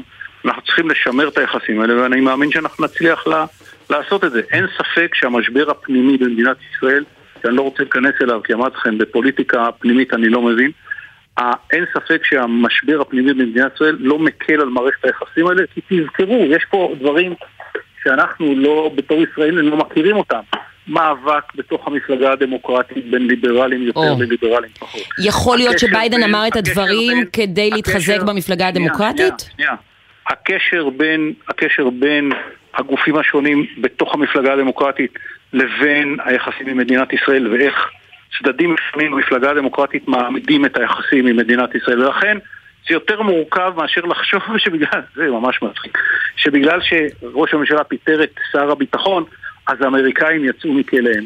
אני מציע שמחה שאני מצחיקה אותך, אבל בסוף זה קרה בסמיכות ההודעה הזאת, אבל עזוב את זה, נגיד שזה לא היה נכון, בגלל זה גלנט. נכון, זה- אני מנסה להבין האם אתה בעצם אומר זה ש... איזושהי, איזושהי רדוקציה שאנחנו צריכים להתרגל, אנחנו ישראלים, אנחנו חושבים שבאמת הכל ממוקד בנו.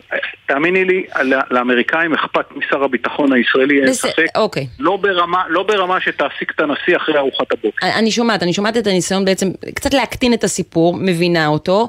אני... לא, מהצד האמריקאי, מהצד הישראלי הוא ממש לא קטן. לא, לא, אני יודעת, מהצד. האמריקאי. אז מה שאני מנסה להבין.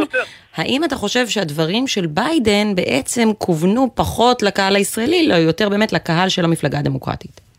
אני חושב שזה גם וגם. זה כוון גם לכאן. בסך הכל ביידן הוא ידיד ותיק מאוד של מדינת ישראל. עשרות שנים של מערכות יחסים עם הרבה מאוד ממשלות שהתחלפו במדינת ישראל. אדם שבאמת מדינת ישראל יקרה לליבו. אני אומר את זה מידע אישי. ו, אה, ואין ספק שיש בעיות בתוך המפלגה הדמוקרטית שצריך לענות אז להן. הוא- זה אז הוא יעליב את ראש ממשלת ישראל רק בשביל למצוא חן עוד יותר בעיני אה, בוחרים דמוקרטיים? קודם כל, יכול להיות. וב', אני לא, אני, תראו, עוד פעם, זה עניין שאנחנו, איך שאנחנו מסתכלים על זה. הוא בעצם אמר, חבר'ה, אני לא רוצה לקחת צד בוויכוח שיש אצלכם, תפתרו אותו, ואני ממליץ לכם לפתור אותו ב, ב, בהסכמה רחבה, ועד שזה לא ייפתר, אני לא אקרא לראש הממשלה, משום שאז אני אהפוך להיות חלק מתוך הדיון הפנימי בתוך מדינת ישראל. כי זה כאילו אני תומך בעמדת ראש הממשלה, ואני ממש לא תומך בה. ולכן אני רואה את זה מנקודת מבט אחרת בכלל, של אמירה אמריקאית, אני לא רוצה להתערב, ואם אני אזמין את ראש הממשלה זאת תהיה התערבות, ואני חושב שונה מראש הממשלה. דעתה פה ברור, שונה מדעת ראש הממשלה. ואני לא רוצה להיראות כמי שתומך בראש הממשלה על ידי זה שאני אזמין אותו לארצות הברית. האלוף יעקב עמידרור, לשעבר ראש המל"ל. אגב, המל"ל זה המטה ללוחמה בת... המטה, המטה, זה המטה, זה לא המועצה. גם רואים, זה מטה, היא לא, אין לה יכולת ביצוע, יש לה יכולת תיאום ותכלול. היא לא גוף מבצע, אין לה תקציב לבצע דברים, לכן היא לא מועצה, היא מטה בלבד. מטה לביטחון לאומי. ודרך, אגב, בהקשר לשאלות ששאלתם, תפקידו של המטה לביטחון לאומי בקשר עם הבית הלבן, דווקא בימים האלה, ברמה המקצועית, מול אמ, מיסטר סליבן, היועץ לביטחון לאומי האמריקאי, חשובה ביותר, משום שהיא משמרת את הקשרים ברמה הגבוהה ביותר, אבל לא בדרג הפוליטי. אז כדאי שגם החברי כנסת אה, מהליכוד ישמעו את זה, כי יש שם כאלה שחושבים אני- שאנחנו יכולים אני- להסתדר מה ש- לבד. מה ש- אני- טוב, טוב, טוב שלא שאלת אותי על זה, כי אז הייתי משתמש במילים מאוד בבקשה, אז חבל שלא שאלתי אותך על זה. רגע, הנה, בבקשה. לא, הנה, שאלנו. בבקשה. לגבי אופן ההתבטאות, אופן ההתבטאות של אנשים שלא מבינים את עומק הקשר בין מדינת ישראל לבין ארצות הברית ומזדלים בחלק מהמקרים בגלל אי הבנה מוחלטת של אופי היחסים האלה. טוב, לא היית בוטה. לא, לא הייתי מספיק בוטה לטעמכם, בשפה שלי זה בוטה מאוד. האלוף עמידרור, חג שמח שיהיה. הכל יחסי, תודה. חג שמח, הכל יחסי, נכון. ופרופורציה, פרופורציה. כן. סתיו שפיר, ערב טוב. ערב טוב. הוא קל לך? אה, זה טוב, אה, זה משמח שהצדק יכול אה, לצאת לאור. לקח הרבה זמן ו- והיה תהליך זה הייתה תביעה הדדית. תביעה הדדית, את אותו והוא אותך, נכון? כל אחד מכם טען להוצאת דיבה. אמרנו מקודם, אבל רק נזכיר, יאיר נתניהו נגד סתיו שפיר, סתיו שפיר נגד יאיר נתניהו, את היית הראשונה לתבוע. את יכולה אה, כן להזכיר לנו את, ה, את המחלוקת, איפה כל הריב הזה ביניכם בטוויטר התחיל? בטח, אז אה, ממש לפני אה, שלוש שנים, ערב אה, חג הפסח, בזמן שכולנו היינו בבתים שלנו, מאחר והיו הוראות שאסרו על יציאה מהבתים בזמן הקורונה ולפגוש, ואיסור לפגוש את המשפחה, בנימין נתניהו פרסם במגוון של מקומות את התמונה שלו יושב עם משפחתו בליל הסדר, ואני כתבתי על זה בטוויטר שהדבר, המעשה הזה הוא מעשה פוגעני, בזמן שכל עם ישראל יושב בבית ולא יכול לפגוש את משפחתו. יושבת משפחת נתניהו ומתנהלת אה, כאילו היא מעל החוק. ולאמירה הזאת, אה, לביקורת הזאת, יאיר נתניהו מיד אה, ענה ברצף של אה, שקרים וגידופים אה, שלא הפסיק. אה, וממש אה, אה, גלש אה, למקומות אה, מאוד מכוערים. אני ברשותכם לא אחזור על הקללות. כן, אנחנו אבל, אולי אה, עוד נחזור אליהם בהמשך פה, אבל את יודעת, יאיר לא נתניהו חייבים. ידוע כמי שמשתלח בטוויטר uh, ואומר דברים שאחרי זה, אני לא יודעת אם הוא מצטער עליהם, אבל הוא כן uh, משלם עליהם הרבה פעמים. ואני בכל זאת תוהה אם כשאת קוראת את התגובות הקשות שלו כלפייך, ברגעי האמת, מה זה עושה לך? תראה, אני, את בטח מכירה את זה בעצמך. כן. אה, כשאנחנו מתבטאות ומביעות את עמדותינו, אנחנו גם חוטפות על זה, אה, הרבה מזה זה ביקורת לגיטימית, והרבה פעמים גם חוטפים שקרים והכפשות כאלה שנועדו לגרום לנו לסתום את הפה. מה וכשאת אה, אישה, לא סתם אמרת, עושה. את מכירה את זה בעצמך, כי כנשים אנחנו גם בדרך כלל נחטוף תגובות מיזוגניות מאוד. נכון, ופי כמה וכמה יותר קשות, וזה באמת עוצר הרבה מאוד נשים והרבה מאוד נערות צעירות מלדבר אה, ברשת החברתית. עכשיו, שזה בא מהבן של ראש הממשלה. וזה כמובן ממשיך באופן ישיר את ההתנהלות של ראש הממשלה עצמו, של נתניהו, שמשתמש בהסתה ובשקרים, כרגע נגד אה, רוב הציבור הישראלי. כ- כדרך פעולה, בניסיון אה, להשתיק, להשתיק אותנו, להשתיק ביקורת, להפחיד אנשים, אפילו עכשיו אה, להפחיד אותם גם מלצאת לרחובות. ואני מעולם לא טבעתי דיבה עד לשלב הזה, ובשלב מסוים הגעתי למסקנה שצריך לשים לדברים האלה סוף. אה, את כלומר, יודעת, את בטח קיבלת כבר נאצות מהרבה אנשים אחרים בטוויטר, אבל, להיותו בנו של ראש הממשלה, אה, הייתה חשיבות בהחלטה אם לתבוע או לא לתבוע. הייתה חשיבות לעובדה שהוא מדבר עם קהל עצום של אנשים, עשרות אלפי עוקבים, מדבר גם הרבה מאוד בתקשורת, שזה דבר עקבי שהוא עושה, זה שהאמירות שלו הן פוגעניות, וכן, זה שהוא מגיע, שזה מגיע בעקיפין, אה, או לא בעקיפין, ישירות מבית ראש הממשלה, אה, אה, כידוע לנו עדיין אה, גר בבית, אז הדברים האלה אה, הם עוד יותר פוגעניים וגם כמובן משפיעים על הרבה מאוד אנשים.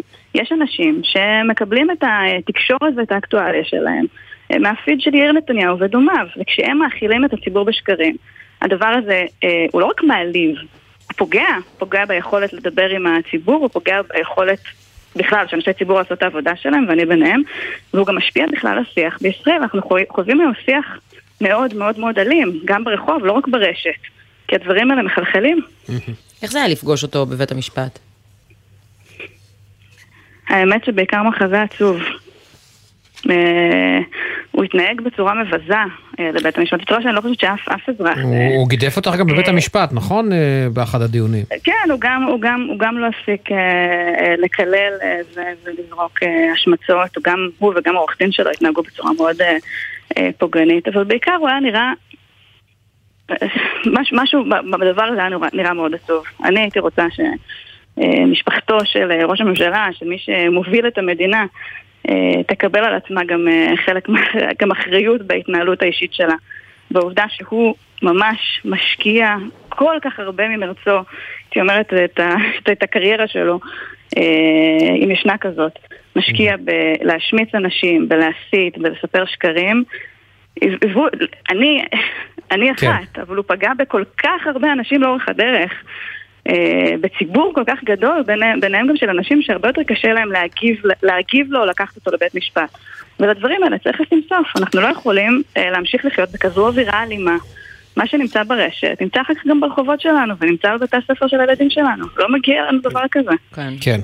רק לומר, רק יודעת שהאלימות ברשת מגיעה משני הצדדים, זה לא, אנחנו, אני ראיתי גם דברים אחרים שמאוד לא אהבתי. כל מיני, כל מיני אמירות על חייהם אה, הפרטיים של כאלה ואחרים מצד שמאל, שאני מאוד לא אוהב, ואני חושב שאנחנו כולנו יודעים על מי אנחנו מדברים. אתה מדבר על גונן בן יצחק? אוקיי, לא, בסדר, אבל אנחנו מדברים עם אה, סתיו שפיר. נכון, אבל את יודעת, לא, אוקיי. אי אפשר, לא, אבל אי אפשר, אי אפשר, צריך- למען ההגינות, אי אפשר לשייך את זה רק למחנה אחד. ברור שלא, אני לא חושבת... וצריך להגיד, להיות כאן הוגן בהקשרים לא, האלה. אבל גם אי אפשר, גם אי אפשר על כל דבר, כל פעם להגיד, אה, לנסות לייצר איזו סימטריה מזויפת. יש הבדל מאוד, אה, את מאוד תבחרי, גדול. את תבחרי, את יודעת, ביום שאת תשבי פה, תייצרי את הסימטריה שלך. תודה רבה לך, סתיו אני שפיר. אומרת, אני לא מסכימה עם הסימטריה, בגלל כן. שהאלימות שיוצאת מבית ראש הממשלה, אי אפשר להגיד שהיא לא יותר חריפה ויותר. משפיעה ממילים שיוצאות אה, מפיהם של אה, פעילים בטוויטר. האיש הוא ראש ממשלה וזה בנו, הוא עם עשרות אלפי עוקבים ו- ו- בזה הוא עוסק. הדברים האלה חייבים להספיק. אוקיי, סתיו שפיר, תודה. תודה רבה. תודה. ועכשיו איתנו יניב לנגרי, עורך הדין של יאיר נתניהו, ערב טוב. ערב טוב, שלום לכם, שלום למאזינים. אתה חושב שתהיה איזושהי עקומת למידה מצידו של אה, נתניהו? כי זאת לא, לא תביעת הדיבה הראשונה שהוא מפסיד בה, זה, זה מתחיל כבר להיות אה, עול כלכלי רציני. אין לי מושג, אני לא מייצג אותו ב... בכל ההליכים, רק אני מייצג אותו ב... אה, בהליך הזה. אנחנו סבורים, הגם שהתביעה הזו הוגשה כמדומני על 263 אלף שקלים, ונפסקו בה לגברת אה, שפיר רק 40 אלף שקלים בגלל, בין היתר, הפה הגדול שלה, אה, הוכח גם שגם היא הוציאה דיבה. אה, ואמירות שהיא ייחסה לו, כמו מתבטל מכספנו, גזען, מטרידן, הוכחו כדיבה, אבל בית המשפט קבע שם בתביעה ש- כנגד שעומדות לה מעין הגנות. עוד עניין חשוב שקובע בית המשפט, שמילים חלאה, שקרן בנסיבות מסוימות, הוא ככה פירק את זה שם, ורשע, למעשה לא מהוות דיבה. עכשיו, אני לא קורא פה היום לציבור, לכו תכתבו בפייסבוק אה, על כל מי שאתם רוצים חלאה, שקרן או רשע, כי אני סבור שערכאת הערעור, ככל שנגיש אה, ערעור, תתערב בממצאים החמורים. לא החלטתם עדיין? עורך הדין לא, לנקרי? עוד לא, אנחנו עדיין, עדיין למדים את פסק הדין, אה, אנחנו עדיין עוקבים. אגב, בניגוד לעמדתה אגב, אבל אם אתה קובע, המשפט- אה, בהקשר הזה רק, סליחה שאני קוטע אותך, אבל אתה יודע, אני קראתי את אה, תמצית, אני מודה, את התמצית שפורסמה של אה, גזר, של הכרעת הדין, ושם נאמר באופן, כן, כן, פסק הדין, אבל זה נאמר שם בצורה חד משמעית, חד משמעית שהפיצויים נפסקו מאחר והלקוח שלך, יאיר נתניהו, לא הצליח להוכיח את האמירות שלו, חובבת פדופילים, ואני לא אחזור על כל השאר. הוא אמר, אנחנו, אני בדקתי את העניין העובדתי. הוא טען את זה, לא הוכיח את זה, אי לכך הוצאת דיבה. איך תתמודד עם זה בערעור?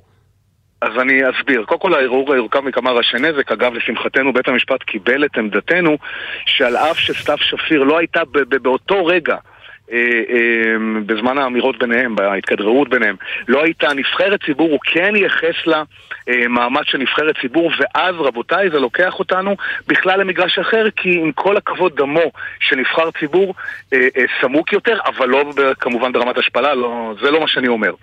ולכן, לכן, לכן אני אומר, אנחנו סבורים, לא בגלל, אגב, תראו, אה, פסק הדין מבחינת שיעור הפיצוי, הוא שיעור פיצוי מאוד נמוך. זה 40 אלף שקלים ועוד אה, אה, שכר טרחה שם אה, ליתר. אני לא רוצה להזכיר כמה היא תבעה. כן, אבל אני לא הייתי רוצה לשלם פיצוי כזה, אני הייתי מנסה לשמור לא, על הפה שלי לא בפעם הבאה, או על המקלדת שלי, והשאלה היא, האם נתניהו יתחיל ללמוד מפסקי הדין האלה שפוסקים גם אם זה 40 אלף רק שקלים? רק עכשיו להגיד, יאיר נתניהו. יאיר נתניהו, האם 40 אלף שקל זה עדיין, זה סכום לא מבוטל? אני לא חושב, אני שנראה לא לי חושב קצת כואב שדווקא- לשלם אותו. אם הוא... שנייה, אני, אני לא חושב שדווקא פסק הדין הזה, אה, אה, עם כל הכבוד צריך ללמד אותו, אני חושב שהוא שגוי מיסודו כן. אה, אה, בהבחנת בית המשפט. כלומר, הוא קבע שהיא כן הוציאה דיבה עליו בתביעה שכנגד, אבל עומדת לה מאיז- מ- מ- מ- איזושהי הגנה.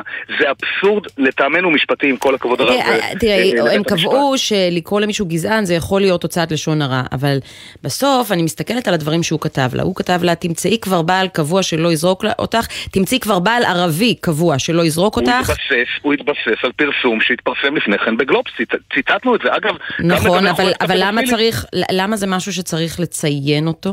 תמצאי כבר בעל ערבי. אה, ולמה למה צריך אה, לדבר על חייו האישיים כשהיא, אה, מה שנקרא... אבל עכשיו אני מראיינת אותך, את עורך הדין של יאיר. נתניהו, לא את עורך הדין של. סתיו שפיר. אני שואלת אותך, למה היה חשוב לו לציין, תמצאי כבר בעל ערבי ולזרוק את זה כאיזשהו עלבון? למה זה עלבון? אני אסביר, כי ברגע שהיא פגעה בו ועזבה את המרחב, ה- מה שנקרא של חופש הביטוי, את אותו מרחב שבו אתה רוצה להעביר דעות, וירדה בו אישית, ואמרה לו לאן הוא הולך בחייו הפרטיים, והוא חלאיו, אז היה זכותו להגיב כפי שהוא הגיב, גם הוא ירה אישית, רק כשהוא ירה אישית זה לא נעם לה. לא, רגע, רגע, אגב, אני יכולה אגב, להבין למה הוא התעצבן ורצה לעלוב בחזרה. מה שאני לא מבינה, למה הוא השתמש במילה, בעל, במילים בעל ערבי כדי לעלוב. למה זה אמור לעלוב אומר, בה? היה לו... היה לו, היה לו על מה להתבסס, והוא הרחיב על כך גם בחקירתו בבית המשפט. כן, אבל אתה מסכים נגדו- שההחלטה לציין בעל ערבי כדי לנסות לעלוב, יש בה גזענות. לא, אז לכן הדבר הזה אה, תוקן בחקירתו, והוא אמר שאין לו שום בעיה, חבריו הקרובים הם מוסלמים, ושלא ינסו אפילו להוביל את זה. חבריו הקרובים הם מוסלמים? כי יש לו, יש לו מספיק חברים קרובים שהם מוסלמים. בהחלט, תקראו את פרוטוקול הדיון, דיון אז, הוכחות, אז בהחלט. זה- אבו יאיר, אנחנו מכירים את הביטוי, אבל, אבל הם לא נעלבים כשהוא קשור? זורק לא הבנתי. תמצאי כבר בעל ערבי? אז אני אה, אותם חברים מוסלמים של יאיר נתניהו?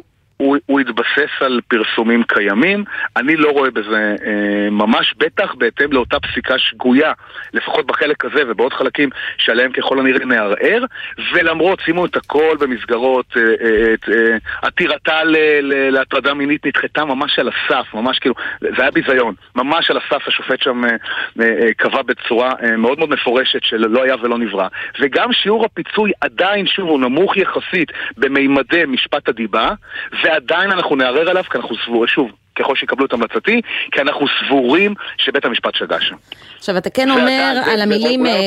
היא קראה לו חלאה שקרן רשע. עכשיו, בית משפט אומר שלפעמים זה יכול להיות הוצאת דיבה, לפעמים זה יכול להיות פשוט גידוף. בית המשפט בפסיקה הזו קבע, ושוב אני אומר לציבור, אל תלכו עכשיו אה, למרשתת, לפייסבוק, לאינסטגרם, ותכתבו שם חלאה. הם ילכו, הם ילכו. ותחשבו שיש לכם הגנה. אז אני אומר לציבור, אל תעשו את זה עדיין, לפני שערכאת המחוזי אה, תתערב מהסיבה הפשוטה, אנחנו סבורים שמילים קשות כמו חלאה, שקרן ורשע שיצאו מבית מדרשה של הגברת שפיר, בהחלט שמהוות דיבה. אוקיי. וגם לא עומדת להם שום הגנה. אז אתם בכל מקרה מערערים, זה אני מבינה. אנחנו, אני, אני, אני בכל אופן ממליץ, ברמה המשפטית אני סבור שהטעויות המשפטיות זועקות. אם הלקוח שלי יקבל את זה, אנחנו אה, נעלה למחוזי, בהחלט.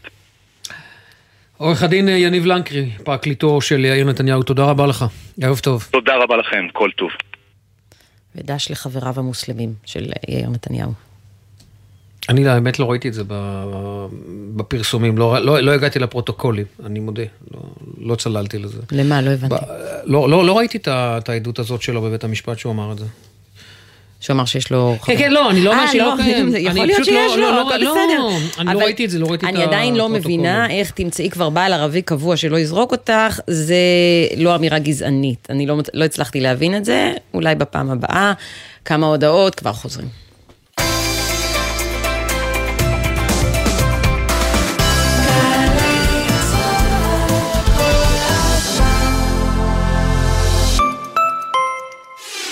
חופשת אביב בירושלים. מוזמנים לחוויה משפחתית לכל הגילים בירושלים. בשילוב מושלם של עיר וטבע באווירה אביבית. מגוון הטבות בבתי המלון ובמוקדים ברחבי העיר. חפשו בגוגל iTravel Jerusalem.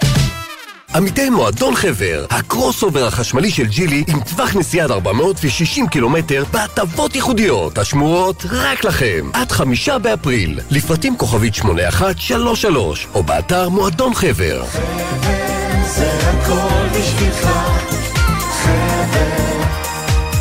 בפסח הזה כולנו נמזוג כוס לאליהו הנביא, גם ראובן שעלה מצרפת, אלכס ומרים מאוקראינה ומשפחת אדיס מאתיופיה. עשרות אלפי עולים חדשים שלפני שנה אמרו, לשנה הבאה בירושלים הבנויה, הגשימו את משאלתם. אם אתם מכירים עולים חדשים, הזמינו אותם לסדר אצלכם, כדי שכולנו נחגוג את חג החירות יחד. משרד העלייה והקליטה מאחל לכל הישראלים, ותיקים וחדשים, חג פסח שמח. הכל כדי שתרגישו בבית. רשות מקרקעי ישראל שלום. בחול המועד פסח משרדינו סגורים. אבל אתרי הטבע פתוחים. רשות מקרקעי ישראל והחברה להגנת הטבע מזמינות אתכם בפסח הזה לטייל בטבע עם כל המשפחה בפסטיבל הולכים על פתוח. עשרות סיורים ודרכים חינם במגוון אתרים ששוקמו וטופחו למענכם באמצעות רשות מקרקעי ישראל והקרן לשמירה על שטחים פתוחים. לפרטים ולהרשמה לסיורים, חפשו בגוגל הולכים על פתוח 2023. עמיתי קרנות השוטרים והסוהרים, בפסח הזה מגיע לכם יותר, הרבה יותר. 40 אחוזי הנחה ברשתות, שוברים ומוצרים מסובסדים. התוקף וההזמנות באתר קרנות. קרנות השוטרים, קודם כל בשבילך. קרנות השוטרים קודם כל בשבילך מענק הצטרפות, השתתפות בשכר הלימוד, תנאים מעולים, משמרות גמישות... יש לכם את זה! הצטרפו לנבחרת רשות שדות התעופה. לפרטים, חפשו דרושים רשות שדות התעופה, בהתאם לתנאי התוכנית. שלום, כאן יואב גינאי. המוסיקה ברדיו גרמה לי להבין מגמות בחברה שלנו. הסרט האחרון שראיתי בקולנוע לימד אותי על הכלכלה שלנו. והצגת התיאטרון האחרונה שעלתה לחצה לי על הנקודות הכי בוערות במדינה. כי זוהי תרבות, המראה הכי חדה לחיים שלנו. ולכן, בכל שישי בבוקר אני שואל, מה יהיה בתרבות? מה יהיה עם יואב גינאי? שישי, תשע בבוקר, גלי צה"ל. עכשיו בגלי צה"ל, אמיר בר שלום וחן ליברמן.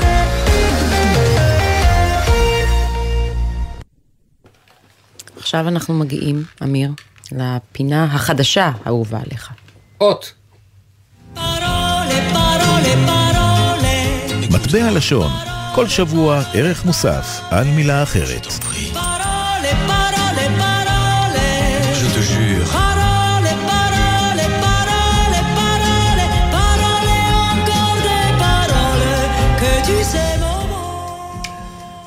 שלום וערב טובה, דוקטור אה, רוביק רוזנטל, סופר וחוקר ספרה. שלום לכם, כן, כן. טוב, אה, אה, אי אפשר היה שנתעלם, מה, נכון, מהמילה שנדבר עליה היום. השעיה... שתי מילים... בדיוק. השעיה או השעיה? ולנתניהו לא, היה חשוב להגיד בנאום, אני משהה בה', כי הוא לא רצה שאנשים יתבלבלו. היה בה' ולא בעין. כן. אז על העניין הזה של למה הוא היה צריך להדגיש את זה, נדבר בהמשך, כי זה נורא נורא מעניין. אבל בואו נדבר על שתי המילים האלה קודם כל. אז השעיה זה מהשורש לשעות, ובתו כמובן, וזה מופיע לא מעט בתנ"ך. ומה שמעניין, שזה, יש לזה משמעות אה, הפוכה. כלומר, שתי משמעויות שאחת כאילו סותר את השנייה. מצד אחד, אתם זוכרים את אה, קין והבל? Mm. אל מנחתו לא שעה. מי זה אלוהים? לא שעה. בגלל זה הוא רצח את הבל. הוא נעלב. ולא שעה, הוא לא רצה אותה, הוא לא פנה אל המנחה שלו.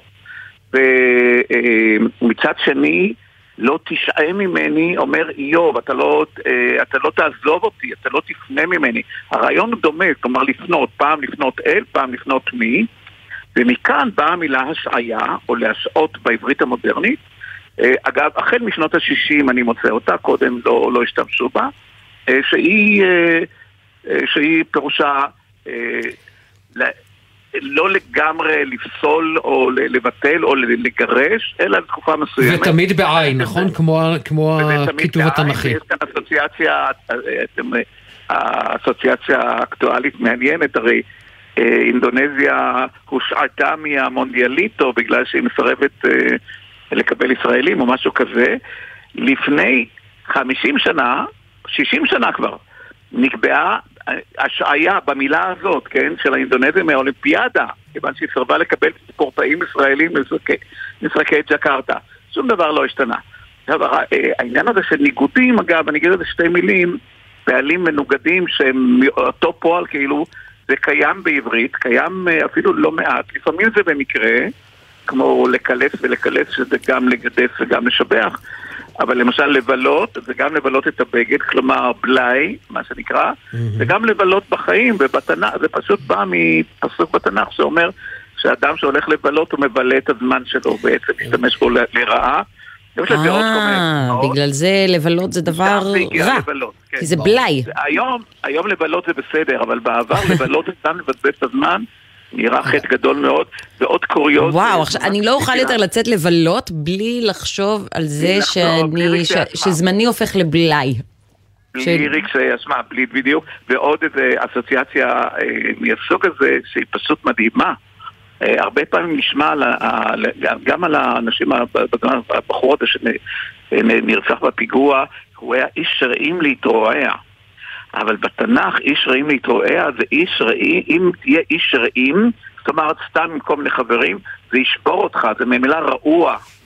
אה, זה בכלל לא קשור לרעים. בעברית החדשה, כיוון שזה כל כך קרוב, אז אנחנו אומרים איש רעים להתרועע למי שיש לו הרבה חברים. אתם רואים שלשפה יש הרבה הפתעות. רגע, מתי נוספה ה', רוביק? אה, תכף, היא לא נוספה. זה ממש שני פעלים שונים, לא קשורים אחד בשני, למרות שהם דומים, המקור שלהם דומה. לשהות בה' זה בכלל מהתלמוד, וזה בכלל בא מארמית, זו מילה שמקורה בארמית.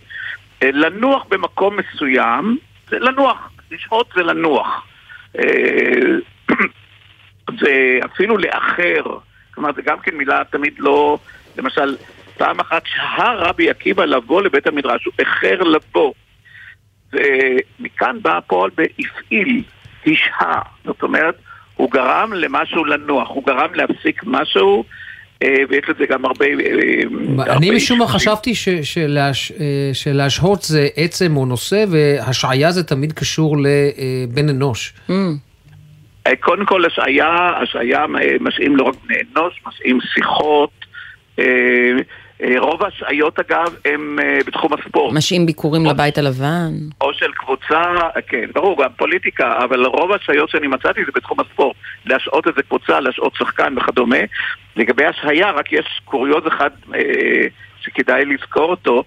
אה, אה, יש בהגדה שמדברים על אה, המן, הוא בא להשמיץ את היהודים, הוא אמר הם לא עובדים, הם לא עושים כל היום. למה כל דבר שלהם תירוצים, מה זה שבת היום, פסח היום, תמיד יש להם חגים. ואז אה, עשו ראשי תיבות שהיא ופי, וזה הפך להיות ביטוי בעברית שהיא ופי. כלומר, אה, לא לעשות כלום, ומזה יצרו שורש, ממש מטבע לשון, שהה ופהה. מי זה שהה ופהה? אחד שלא עושה כלום כל היום. אבל אני מוכרח להגיד כמה מילים על, על הדבר שבאמת יצר תשומת הלב, וזה העניין הזה שהוא היה צריך להדגיש שצריך לומר השהיה ולא השהיה. כי להשעות את, את התוכנית זה אומר בעצם עד להודעה חדשה. להשעות זה לזמן קצוב, אני לא אגיד לכם כמה אני מתכוון, וזה קשור לתופעה נורא מעניינת בעברית שאני כתבתי עליה לא מעט. Mm-hmm. אני מגדיר אותה, תקשיבו טוב, אה, הומופונים נודדים. מה זאת אומרת? זה שתי מילים שנשמעות כמעט אותו דבר, הן לא כתובות, הן לא זהות, אבל הן קצת קרובות במשמעות. אתן לכם כמה דוגמאות. למשל, אה, אה, נעלם ונעלם, כן? כן. גם אה, או הערה והערה. אוי, יש לי עוד דוגמאות, אבל עכשיו הן לא, לא עולות לי. התראה והתראה, יש המון דוגמאות. בדרך כלל הבלבול הוא בין עין לאלף, כי הסיבה היא שהן נשמעות אותו דבר בעברית שלנו, בדיבור. העין נעלמה לגמרי כיצור בודד. Okay. אוקיי. אבל המעניין כאן הוא שזה ה' מול עין, מול א', אה, אה, ה' מול עין, סליחה. וזה אומר שגם הה' הולכת... התראה והתראה.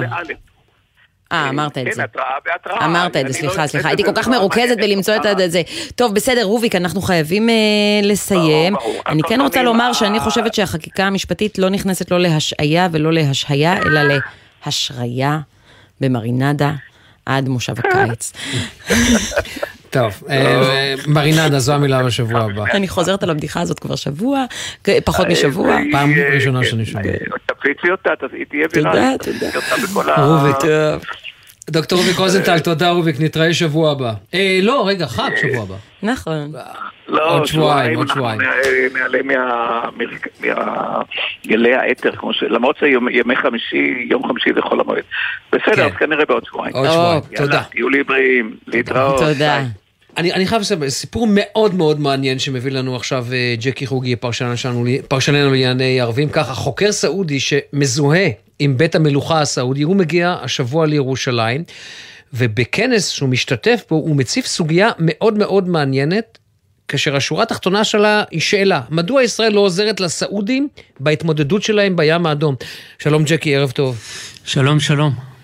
ספר לנו, אה, אה, קודם כל, החוקר הזה זו לא פעם ראשונה שהוא מגיע לישראל, נכון? כן, אה, אני לא בטוח, אני לא בטוח שזו לא הפעם הראשונה, אבל זה פחות. תכף, קודם כל אני רוצה להגיד לכם שאני שמח שאתם מתרועעים איתי, בגלל שיש, מעבר לעניין הסעודי, מתחוללים כל מיני שינויים די גדולים במזרח התיכון, ממש לנגד עינינו ב, בימים האלה, בשנים האלה, תלוי, זה הכל תהליכי, ואני לא בטוח שאנחנו פנויים וקשובים לעקוב אחריהם וגם לדבר עליהם, וזה לא בשיח כן, מסיבות עכשיו לא היה לנו זמן לדבר בכלל על שום דבר שהוא לא המהפכה המשפטית, אבל הנה, הנה עכשיו כן, וגם. כשאנחנו מדברים על סעודיה, אז מדברים עליה די בהיבט צר, והם נכון. מרגישים את זה, וכמו שאתם תשמעו עוד מעט. אז כמו שאמיר אמר, הגיע עבד אל-עזיז חמיס, זה אה, שמו של האיש, אה, עיתונאי וחוקר אה, סעודי, הוא אה, מגיש תוכנית בסקיי ניוז בערבית, ערוץ אה, בבעלות אה, סעודית ואמירותית, ומופיע בכנס שארגן המרכז הירושלמי לענייני ציבור ומדינה ביום שני השבוע, בגלוי בפני המצלמות, ומדבר הרבה מאוד על היחסים בינינו לבינם, ממש דקות ארוכות, ובין השאר, באיזה רגע אחד, הוא מפתיע עם הדברים האלה, אמיר נתן לזה איזשהו הד, בואו נשמע את זה בקול. Why Israel and Saudi Arabia not cooperate for the security in Red Sea? We share with Africa a lot of uh, interests. We know now in Red Sea there is a Iranian, a Chinese, Russian coming to build a lot of uh, bases, uh, military bases. But we ignore that, Israel and Saudi Arabia. They not cooperate in this thing with Egypt uh, and Jordan. אז הוא אומר, למה ישראל וסעודיה לא משתפות פעולה יחד בים האדום? אנחנו חולקים הרבה אינטרסים עם אפריקה, האיראנים נמצאים שם בים, הסינים, הרוסים באים ובונים בסיסים צבאיים, אבל ישראל וסעודיה יחד לא. הן לא משתפות פעולה בים האדום עם מצרים אה, וירדן, וכאן בעצם הוא פותח לנו סוגריים גדולים מאוד אה, ומעניינים לגבי הים האדום ומה שמתחולל שם, זה העורף החשוף שלהם. מאוד מעניין אותם. יש להם גבול יבשתי, כמו שאנחנו יודעים, ירדן, עיראק, האמירויות, יש להם שכנות עם איראן, אבל יש להם גבול ימי ארוך מאוד מאוד. המיליציה החות'ית תפסה שם אה, בסיס ב, אה, בים האדום, ב, בחופי תימן. חיל הים האיראני, כמו שאנחנו יודעים, פועל שם בחופשיות. הרוסים, הוא בא ואומר לנו עכשיו, אמיר אולי אתה תוכל תכף כן. לספר למה וכמה, זה עורק תחבורה, בלי קשר לעניין הצבאי, עורק תחבורה אה, אה, מאסיה לים התיכון, מסלול של מכליות נפט וגז סעודיות ואמירותיות, נתיב לאפריקה, כמו שהוא הזכיר, הסינים גם אה, שם, כמו בכל מקום. לכל אחד יש אינטרס בים הזה, אה, כמו איזושהי מדינה שכולם בוחשים בה, ולסעודיה יש חיל, חיל הים שלה לא מפותח. בדיוק. המצרים נותנים להם בעצם הגנה ימית, והם רוצים גם אותנו. בעצם אה, הוא לא אומר את זה ככה על דעת עצמו סתם, כנראה יש משהו אה, מעבר לזה. מה ישראל יכולה לתת, אה, אולי תוכל לספר לנו, אני פחות בקיא בהיבטים הצבאיים. תראה, ממש. להשלים את, להשלים את הצד השני, תמונת המראה. הסעודים, אה, רוב האינטרס הביטחוני שלהם כרגע הוא פונה לכיוון המפרץ הפרסי. זאת אומרת, שם הם מאוימים ישירות, ממש החוף מול אה, אה, איראן. הם, בעיני עצמם, כל אזור הים האדום, זה היה נחשב בזמנו העורף. אבל עם הפעילות בתימן החות'ית, הייתי אומר, הנוכחות ההולכת וגוברת של איראן, שיתוף הפעולה שלה עם רוסיה וסין, הם מבחינתם מבינים שהאיום הזה מגיע אליהם גם, אם תרצה, לחצר האחורית, כלומר לאזור הים האדום, והם מבינים שמיצר המים הזה יכול להיות להם, לצורך העניין, לאיזשהו לרועץ או לאיזושהי תורפה ביטחונית. ולכן הם... אה, פונים ב, אה, בקריאה הזו. אני חושב, אני חושב, אני, אה, ממה ששמעתי כמה וכמה פעמים על, אה, בוא נגיד ככה, מגעים שהיו מאחורי הקלעים בהקשרים, אה, בהקשרים האלה, ישראל די רואה את זה עין בעין. אנחנו כן רואים, אני יכול להגיד לך, אנחנו כן רואים התגברות משמעותית של הפעילות הביטחונית הישראלית, בעיקר חיל הים, באזור הים האדום, אגב, גם בגלל אינטרס ישראלי. תחשבו מה קורה, אם לצורך העניין, מיצר המים הזה נסגר, ישראל יכולה לעבור בתעלת סואץ. ישראל לא יכולה להוביל את, את כל ה... אה, בין אם זה מכליות נפט, אה, אני לא יודע אם אתם יודעים, אבל הרבה מאוד נפט שמגיע לישראל עובר דרך מפרץ אילת, אה, נפט בעיקר הזרי, ולכן בעניין הזה זה בהחלט יש כאן אחידות אינטרס, אבל זו אמירה מאוד מעניינת סעודית, ו... תגיד, מעניין- מה, מה, הוא יכול, מה הוא רוצה שישראל לא נותנת? מה ישראל יכולה לתת? אני חושב, אני חושב שבהקשרים האלה גם יכול מאוד להיות שיש כאן קריאה כדי אה, אה, להכניס את האמריקאים לתמונה. שהם לא מספיק שם. ויש שם גם באזורים האלה, אני מזכיר, אזור קרן אפריקה והכניסה לתלת סואץ, יש שם גם פעילות אה, מאוד אה, אה, גדולה של פיראטים. והפעילות הזאת, חן, כן. הפעילות, הפעילות הזאת, מה, אמרת חן נרדמה כשאמרת פיראטים? לא, לא, לא, לא, לא, לא, לא, לא, היא לא, היא לא, היא לא נרדמה, היא ממש, אתה יודע, בשיחה הזאת היא מביטה עליי, כן, באופן קשור. אני אומר, הסיפור הזה של הפיראטים, הוא מסוכן מאוד, הוא מסוכן מאוד לא בגלל הפיראטים, הוא מסוכן מאוד כי זה וו איראני. האיראנים אומרים, אנחנו עכשיו מגינים על קרן אפריקה, אנחנו מזרימים כוחות כדי להגן על... אה, אה, על אוניות סוחר מפני, מפני הפיראטים האלה מסומליה, וזו, בוא נגיד ככה, זה התירוץ שלהם להגביר את הפעילות הצבאית של חיל הים האיראני. באזור הזה. זה לא נעלם מהעיניים הישראליות, זה גם לא נעלם אה, מהעיניים האמריקאיות. אני חושב שיש כאן שני דברים, קריאה לישראל כן להגביר את הפעילות, ואני חושב שגם יש כאן איזשהו רצון של הסעודים למשוך את האמריקנים דרך ישראל לפעילות גוברת יותר באזורים האלה. טוב, אז זה לעניין הים האדום, אה, בהחלט אה, סיפור מעניין שרק נגענו בו קצת, זירה שצריכה להעסיק, ובטח תעסיק גם אותנו. לעניין היחסים עם סעודיה, עד לפני כמה שבועות, כמו שכולנו יודעים, ראש הממשלה הביע את ביטחונו, את תקוותו שיהיה שלום איתם, אז אחרי שאני שמעתי את אה, עבד אל עזיז חמיס, אני בכלל לא בטוח שזה כל כך קרוב. תשמעו איך הוא מדבר okay. על סיכויי השלום שלנו עם uh, סעודיה. And that's why the Israelis, when they signed Abraham Accord, they thought it's okay, it will come, Saudi Arabia and the, in the queue. But no, Saudi Arabia is alone. It's not a part of any uh, agreement. It's, if you go to Saudi Arabia, you should go with a new approach, not Abraham Accord approach. אז הוא אומר, הישראלים חתמו על הסכמי אברהם וחשבו שזה יבוא גם איתנו, שסעודיה בפנים, אבל לא, סעודיה לא בפנים. סעודיה היא לבדה, היא לא חלק מאף הסכם. כשאתם באים לסעודיה, כדאי שתחשבו על גישה חדשה, לא הגישה של הסכמי אברהם. תכף הוא יסביר את הנקודה הזאת. אה, אני רק אגיד שבמקום אחר שאנחנו לא שומעים פה, הוא אומר, אני לא אוהב את ההצהרות של פוליטיקאים ישראלים. הוא מתכוון לדברים על השלום עם סעודיה. חשוב אה, שנגיד גם ש, אה, שלא יובן לא נכון, הוא לא שליח רשמי. זה אדם פרטי, אמנם uh-huh. עיתונאי בכיר מאוד, סעודי, אבל זה הדפוס ש, שכשאין יחסים רשמיים, אתה שולח עיתונאים אקדמאים לשעברים, ובהמשך באים הפקידים הרשמיים עם, עם איכשהו הגישוש הזה עולה יפה, הוא מקורב לשלטון, ולכן אתם יכולים להניח שהוא מייצג את הארמון. בכל מקרה הוא לא היה אומר דברים שלא על דעת השלטון, זה די ברור. הוא גם לא היה מגיע. לפה שלא על דעת השלטון. אה, יש להניח, כן. נשמע עוד קטע מפיו על היחסים איתנו, ואני אשחרר אתכם אה, לעניינים הבאים. תשמעו. אוקיי, okay, we happy to have Abraham Accord. We happy to see Abraham Accord as a model. of cooperation in the region. But it's an economical model. It's not political, real political. We need a full solution for the re region. And Saudi Arabia is the core of this solution. When you go to Saudi Arabia, you go with a new agenda. You go with the Jerusalem solution. You go with a, a, a new approach for a Red Sea, for Africa, for uh, whole the region. אז הוא אומר, בסדר, אנחנו שמחים בהסכמי אברהם. בקיצור, הוא לא אומר פלסטינאים, אבל הוא אומר את זה. כן, לא, הוא אומר פלסטינים בגדול, אבל לא במילה המפורשת, נכון. בדיוק. אנחנו שמחים לראות מודל של שיתוף פעולה באזור, הסכמי אברהם זה דבר טוב, אבל זה מודל כלכלי, הוא לא מדיני. האזור זקוק לפתרון כולל, וסעודיה היא לב הפתרון. כשאתם באים לסעודיה, תביאו סדר יום חדש, פתרון בירושלים, גישה חדשה לים האדום, לאפריקה. אה, אבל צ'קי, אני חייב לשאול אותך, בין הדברים זה לא ביקורת על, אה, לא ביקורת על איחוד האמירויות? לא, אבל קצת, אה, אם כבר אתה שואל, אה, הוא, תראה, הוא שם אותה במקום, במקום שבו היא נמצאת בעצם ביחס לסעודיה. היא האחות הקטנה והטובה מאוד של סעודיה, אבל היא, היא בהחלט לא המובילה. אה, אני לא חושב שיש כאן ביקורת, פשוט יש כאן תחימה של, של גבולות של מי אנחנו, ו, או היררכיה, מי אנחנו ומי הם. ג'קי, טוב, אני מניח שעוד יהיו, אה, יהיו הדים לדברים האלה, ומאוד מעניין. נגעתי כאן בנקודה שאני חושב שקצת נעלמה מהרדאר הישראלי, אבל היא בהחלט, בהחלט, בהחלט הולכת להעסיק אותנו. ים אדום, סעודיה, ולהקשיב למה אומרים הסעודים, ולאו דווקא מה רוצים הישראלים. תודה רבה לכם. תודה, ג'קי. תודה. כוכבים משתפים בפדיחות על הבמה.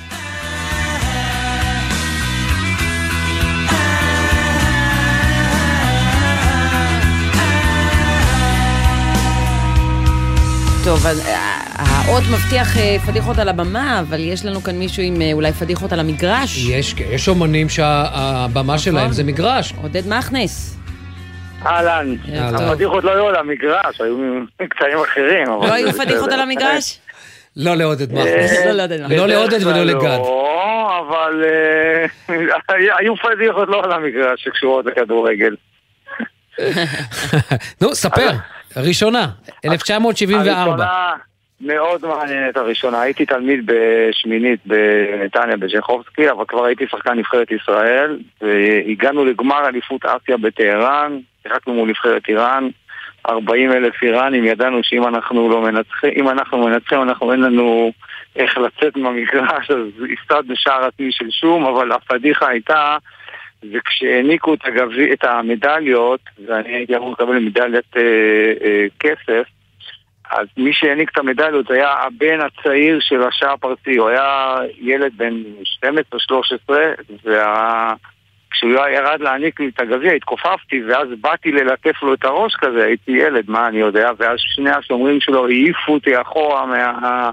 מהעמדה שלי, כאילו שאסור היה לגוע, אסור לי היה בכלל לגוע בו, זו הפדיחה הראשונה. אה, הפדיחה השנייה הייתה, כשחקן מכבי נתניה, אה, היינו אמורים בשבת לנסוע למשחק בראשון, ולפני המשחק הייתי בשירותים בחדר הלבשה, החבר'ה כנראה לא שמו לב, האוטובוס נסע, אוי. ורק כשהם הגיעו לווינגייט, פתאום הם הבינו שאני לא באוטובוס בכלל. אני ניסיתי לקרוא שכחו אותי מכבי בחדר נ- הלבשה. חלונות, הייתי סגור בתוך- חדר הלבשה, לא יכולתי לצאת אפילו. למה, זה ננעל מבחוץ? מה את אומרת? נעלו את החדר הלבשה, נכון, הגיעו לי שהיא... נעלו את החדר הלבשה וכולם יצאו כבר, אף אחד ולא לא היו אז אה. טלפונים. וזה היה בקופסה עדיין, לא? זה היה בקופסה. לא זה היה בקופסה, כן, ואני טיפסתי וצעקתי, אף אחד לא שמע אותי, ורק בווינגייט פתאום הם ראו שאני לא באוטובוס. אז החזירו את האוטובוס, חזרו, לקחו אותי, ובאותו משחק ניצחנו 2-1, אני גם הבקעתי. גול, גם בישלתי גול. מכבי נתניה זה לא מכבי נתניה בלי עודד מכנס בשנים האלה, זה צריך לומר. תגיד לי עודד, אה, אה, אתה- היום שומעים אותך, אתה מפרשן לא מעט אה, משחקים, כמה מילים לקראת משחק השבת בסמי עופר, מכבי חיפה, הפועל באר שבע. תראה, אה, חוזרות הקבוצות אחרי פגרה, ואתה יודע, לפעמים אומרים שפגרה זה טוב לקבוצות שצריכות להתכונן יותר טוב, וזה לא טוב לקבוצות שנמצאות במומנטו טוב. אבל אני חושב שזה אמור להיות משחק מצוין, אני חושב שגם באר שבע תבוא, אין לה ברירה, היא צריכה, היא צריכה לבוא לנצח, היא לא באה לא באה להעביר את המשחק הזה, להעביר אותו ולנסות לגמור אותו בתיקו. אני גם חושבת. אני מעריך, ש- אה, ולכן אני מעריך שיש שם משחק פתוח, בשתי הקבוצות יש חלק קדמי טוב, יש הרבה שחקני הכרעה בשתי הקבוצות, ואני מעריך שיהיו שם הרבה גולים. שלושה או ארבעה שערים, מי שיבוא בטוח יהיה. הלוואי, עודד מכנס. תודה רבה. תודה רבה לכם, חג שמח. חג שמח. תודה. טוב, חן, מה דעתך לקראת צוחקת, משחק העונה? לא, לא, לא, כי- אני רוצה לשמוע את דעתך לקראת משחק העונה. הפועל באר שבע או מכבי חיפה? אה, מכבי חיפה, אין שום ספף. אה, שכחתי מי כן, אני כן, מדבר, נכון, לא כל? פטריוטיזם. שכחתי רגע, אבל את מהצד הירוק או האדום? האדום. אה, יש לי סיפור מצחיק. אה, הגענו, היה איזה רגע בהיסטוריה, אולי פעם אחת, שהפועל חיפה הייתה אלופה. אתה זוכר את זה? כן, היה נכון, הייתה איזה 90, פעם איפה של. שנות ה-90, ג'ובאני רוסו, אלי גוטמן. כן, כן, ואנחנו, הייתי בכיתה ז', אני חושבת, או ח', והייתי בחוג ג'אז, ג'אז, חוג ג'אז, והופענו, ילדות קטנות, מופיעות עם מוזיקת פופ כזאת, והזמינו אותנו להופיע בדרבי, אני חושבת, זה היה דרבי? כן, בין הפועל... ל- קריית אליעזר. ורגע, אולי זה היה במשחק של הפועל מול קבוצה אחרת. מכבי חיפה לא הייתה בתמונה, סליחה, זה לא היה דרבי. הוכחתי כמה אני לא מבינה. בקיצור, אה, אה, עלינו להופיע, אבל המדהים של החוג הזה, של החוג ג'אז הזה, חוג ג'אז של אדית זגה הנפלאה, אה, זה מדים אה, ירוקים. וואי. ואנחנו עולות להופיע במשחק של הפועל, עם מדים ירוקים. צלם בהיכל. ממש, והבנו את זה תוך כדי, אני, מה ידעתי? עד היום אני לא כזה יודעת. קיצור, אני מהמרת על מכבי חיפה. כאוהדת הפועל. כן. כחיפאית, אני לא באמת אוהדת של שום דבר, זה סתם. טוב, תשמע, קיבלתי סרטון אה, די מטריד. אה, לקראת ההפגנה הערב ברחבת מוזיאון תל אביב, הפגנת הימין בעד תוכנית החקיקה, הרפורמה המשפטית, המהפכה המשפטית, אבל שם אני מניחה שיקראו לזה הרפורמה. אה, אנה פינס, אה, את מצטרפת אלינו, את כבר נמצאת שם? כן, אה, ממש אה, עכשיו, בשעה זו, שבע בערב, מתחילים אה, להתכנס כאן אה, עשרות אה, פעילי ימין ותומכים ברפורמה המשפטית, שבאמת אה, הולכים לצאת למה שהם מכנים צעדת החירות, זה בעצם המחאה, הצעדה שלהם אה, ברחוב קפלן בתל אביב, שהם אה, עושים על מנת אה, לתמוך אה, ברפורמה המשפטית, לקרוא נגד הקפאת החקיקה אה, ובעצם אה, נגד בג"ץ. ככה באמת בשעות האחרונות אנחנו עדים ברשתות החברתיות לקריאות גם לאלימות פה בהפגנה, אנחנו רואים בכל מיני קבוצות של פעילי ימין קיצוניים שבאמת אומרים לנהוג באלימות כלפי אם יהיו פעילי שמאל או מתנגדים לרפורמה שיגיעו. מצד שני, בעקבות הקריאות האלו, גם מתוך הקבוצות מתחילים לשמוע קולות אחרים, אומרים, אה, אומרים אה, באמת לתומכים ברפורמה לא להתנהג אה, בצורה אלימה. גם, אגב, אנחנו יכולים להגיד שאין איזו התארגנות גדולה מצד מתנגדי הרפורמה, זאת אומרת, לא מתוכננת פה עכשיו איזו הפגנת נגד גדולה, אבל לגמרי כן. ייתכן שיהיה התארגנות ספונטנית. נאבקת יש גם גם סרטון של מכונית שעוברת ברחוב דיזינגוף ומשמיעה קריאות, שמאלנים, תישארו בבתים. כן, אה, באמת פה כרגע עדיין, אה, אנחנו כאן ברחבת המוזיאון, בנקודת ההתכנסות, אה, לא נרשמו פה אירועים חריגים, אבל... כמה יש כבר, אנה? כמה כבר הגיעו? כרגע עשרות אנשים, כן יש התארגנות מאוד מאוד גדולה בקבוצות הוואטסאפ, אפילו מאות אפשר להגיד, יש התארגנות מאוד גדולה של הסעות מכל הארץ. המוחים אומרים בקבוצות הפנימיות שהם מצפים למאות אוקיי. אלפי אנשים, אנחנו יודעים שהאישורים מול המשטרה מצביעים על מספרים אה, קצת אחרים, יותר אה, אלפים. אה, אבל אה, כמובן שנסתכל... את שם הערב, נכון? את שם הערב, אנה שמרי על עצמך. לעדכן, תודה רבה. תודה. כן, ככל שיהיה. זה, הם לא, הקריאות מהמכונית עם מערכת כריזה קוראות תל אביבים תישארו הערב בבתים, כי הימנים מגיעים. אבל אני כן אגיד לך שהייתי בהפגנת הימין ביום שני אה, בתל אביב, כשיש פרשים שמפרידים בין ההפגנה של מתנגדי הרפורמה לבין ההפגנה של תומכי הרפורמה. היה שם קומץ אלים, היה שם מישהו ספציפי שממש ממש חיפש צרות וקילל כל הזמן אה, נשים מפגינות שהלכו עם הדגל. אבל כן, בגלל שהייתי בצד הימני ורציתי קצת לדבר ולשמוע קולות, אה, התחלתי שיחה עם שלוש נשים בין המפגינות, ושמעתי אותן מדברות בינן לבין עצמן אה, על כך שלא נותנים להן לשלוט, ושהן הרוב, והן היו מאוד מאוד מתוסכלות מכל הדבר הזה. אני אסיים מהר כי אנחנו צריכים לסיים. התחלנו לדבר. ראינו שיש בינינו המון המון פערים מבחינה עובדתית. יכול להיות שאני צודקת, יכול להיות שהן. אם רק היה לי את היכולת לדבר איתן קצת יותר, אולי אפילו היינו מגיעות להסכמה. זה, זה מה שהיה לי חשוב להגיד. מהפה שלך לירושלים, בית הנשיא. פעם אחרונה שהייתי כן. שם זה חלפתי במרתון ליד. אוקיי, טוב, תודה רבה לך, אמיר בר שלום. אנחנו. לא ניפגש כאן בשבוע שמח, הבא. חג חג שמח. שמח שיהיה, חג שמח לכל המאזינים, ותודה רבה לעורך שלנו רועי ועד, למפיקים נמרוד פפרני והוד בראל, על הביצוע הטכני תומר רוזנצוויג ואורי ריב.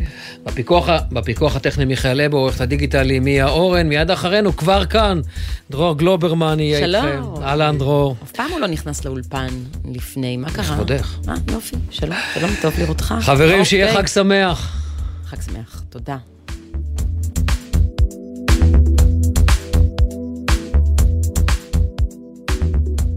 בחסות קולמוביל, היבואנית הרשמית של יונדאי, מיצובישי, אורה, מרצדס וג'נסיס, המציעה מגוון מסלולי קנייה מותאמים אישית, לפרטים כוכבית 3862. בחסות אייס, המציעה מבצעים לחג. מסך טלוויזיה חכם 43 אינץ' HD מלא שבמבצע, במחיר 699 שקלים. בתוקף בסניפי אייס.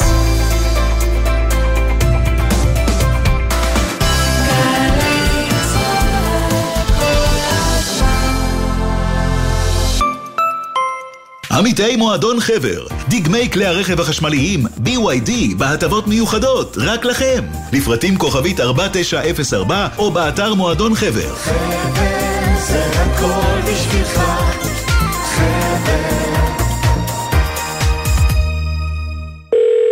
רשות מקרקעי ישראל, שלום. בחול המועד פסח משרדינו סגורים, אבל אתרי הטבע פתוחים. רשות מקרקעי ישראל והחברה להגנת הטבע מזמינות אתכם בפסח הזה לטייל בטבע עם כל המשפחה בפסטיבל הולכים על פתוח. עשרות סיורים מודרכים חינם במגוון אתרים ששוקמו וטופחו למענכם באמצעות רשות מקרקעי ישראל והקרן לשמירה על שטחים פתוחים. לפרטים ולהרשמה לסיורים חפשו בגוגל הולכים על פתוח 2023. מטפלים באדם עם ירידה קרנית, קוגניטיבית? אינכם לבד. עמותת עמדה, המסייעת לאנשים עם כיהיון, דמנציה ולבני משפחותיהם, עומדת לרשותכם בכל שאלה, בקו החם, כוכבית 8889. קבלו משוואה, כמה זה יחס אישי, כפול מרצים מעולים, לחלק לכיתות קטנות, התשובה, 90% השמה בשנה שעברה. עזריאלי, חממה למהנדסי העתיד ולמהנדסות העתיד. לפרטים כוכבית 9087. האקדמית להנדסה, ירושלים. חברים, כאן גבי אמרני. יש לי מילה אחת בשבילכם, עוד. בגילנו אנחנו צריכים לתת לעצמנו עוד. גם בכביש, להשקיע עוד קצת ולחצות אך ורק במעבר חצייה. גם אם הוא קצת רחוק וקשה ללכת אליו.